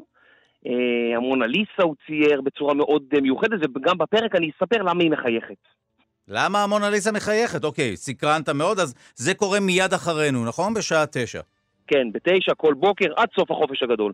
טוב, תודה רבה לך, יובל מלכי. שווה לכם להאזין לתוכנית המצוינת, היסטוריה לילדים, מיד אחרינו. תודה לך, יובל. יום טוב, יום טוב. להתראות, ומיד אחרי אה, יובל מלכי, אגב, גם כן תרבות עם גואל פינטו, אה, מגזין התרבות החשוב והמעניין. טוב, בואו נודה קודם כל למי שהסכים להגיע לכאן, אה, גד שמרון. האיש שלנו בשם ופה ושם, סופר, עיתונאי, וכולי, וגם איש אה, מוסד לשעבר. אני מודה לכם. תודה היה... רבה שהגעת, היה מרתק. כיף גדול. היה מרתק, ותודה רבה לכל מי שעמל על המשדר הזה. ראשית, העורך שלנו רז חסון, אה, ליטל אמירני המפיקה, די.ג'י אלון מקלר, על הביצוע הטכני. תודה רבה ליגאל שפירא שליווה אותנו. אתם אה, מוזמנים להאזין לנו, לשלושה שיודעים בכל זמן ובכל מקום, באמצעות היישומון כאן. אודי, אתם מורידים את היישומון החינמי הזה בחנות האפליקציות, וכך תוכלו ליהנות מכל התכנים של כאן תרבות בכל זמן ובכל מקום. ושוב נזכיר, הלילה, מטר מטאורים שמגיע לשיאו בשמי ישראל. אתם מוזמנים לצאת מהערים ולצפות, אה, להביט לעבר השמיים וליהנות מבין 50 ל-100 מטאורים בשעה. ומחר נעדכן כמובן איך זה נראה, לפחות קולית כמובן. יום נעים ושקט.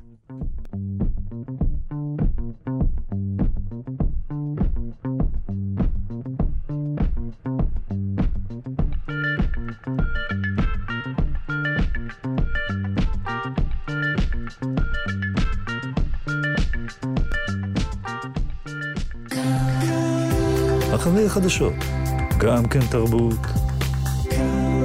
כאן תרבות.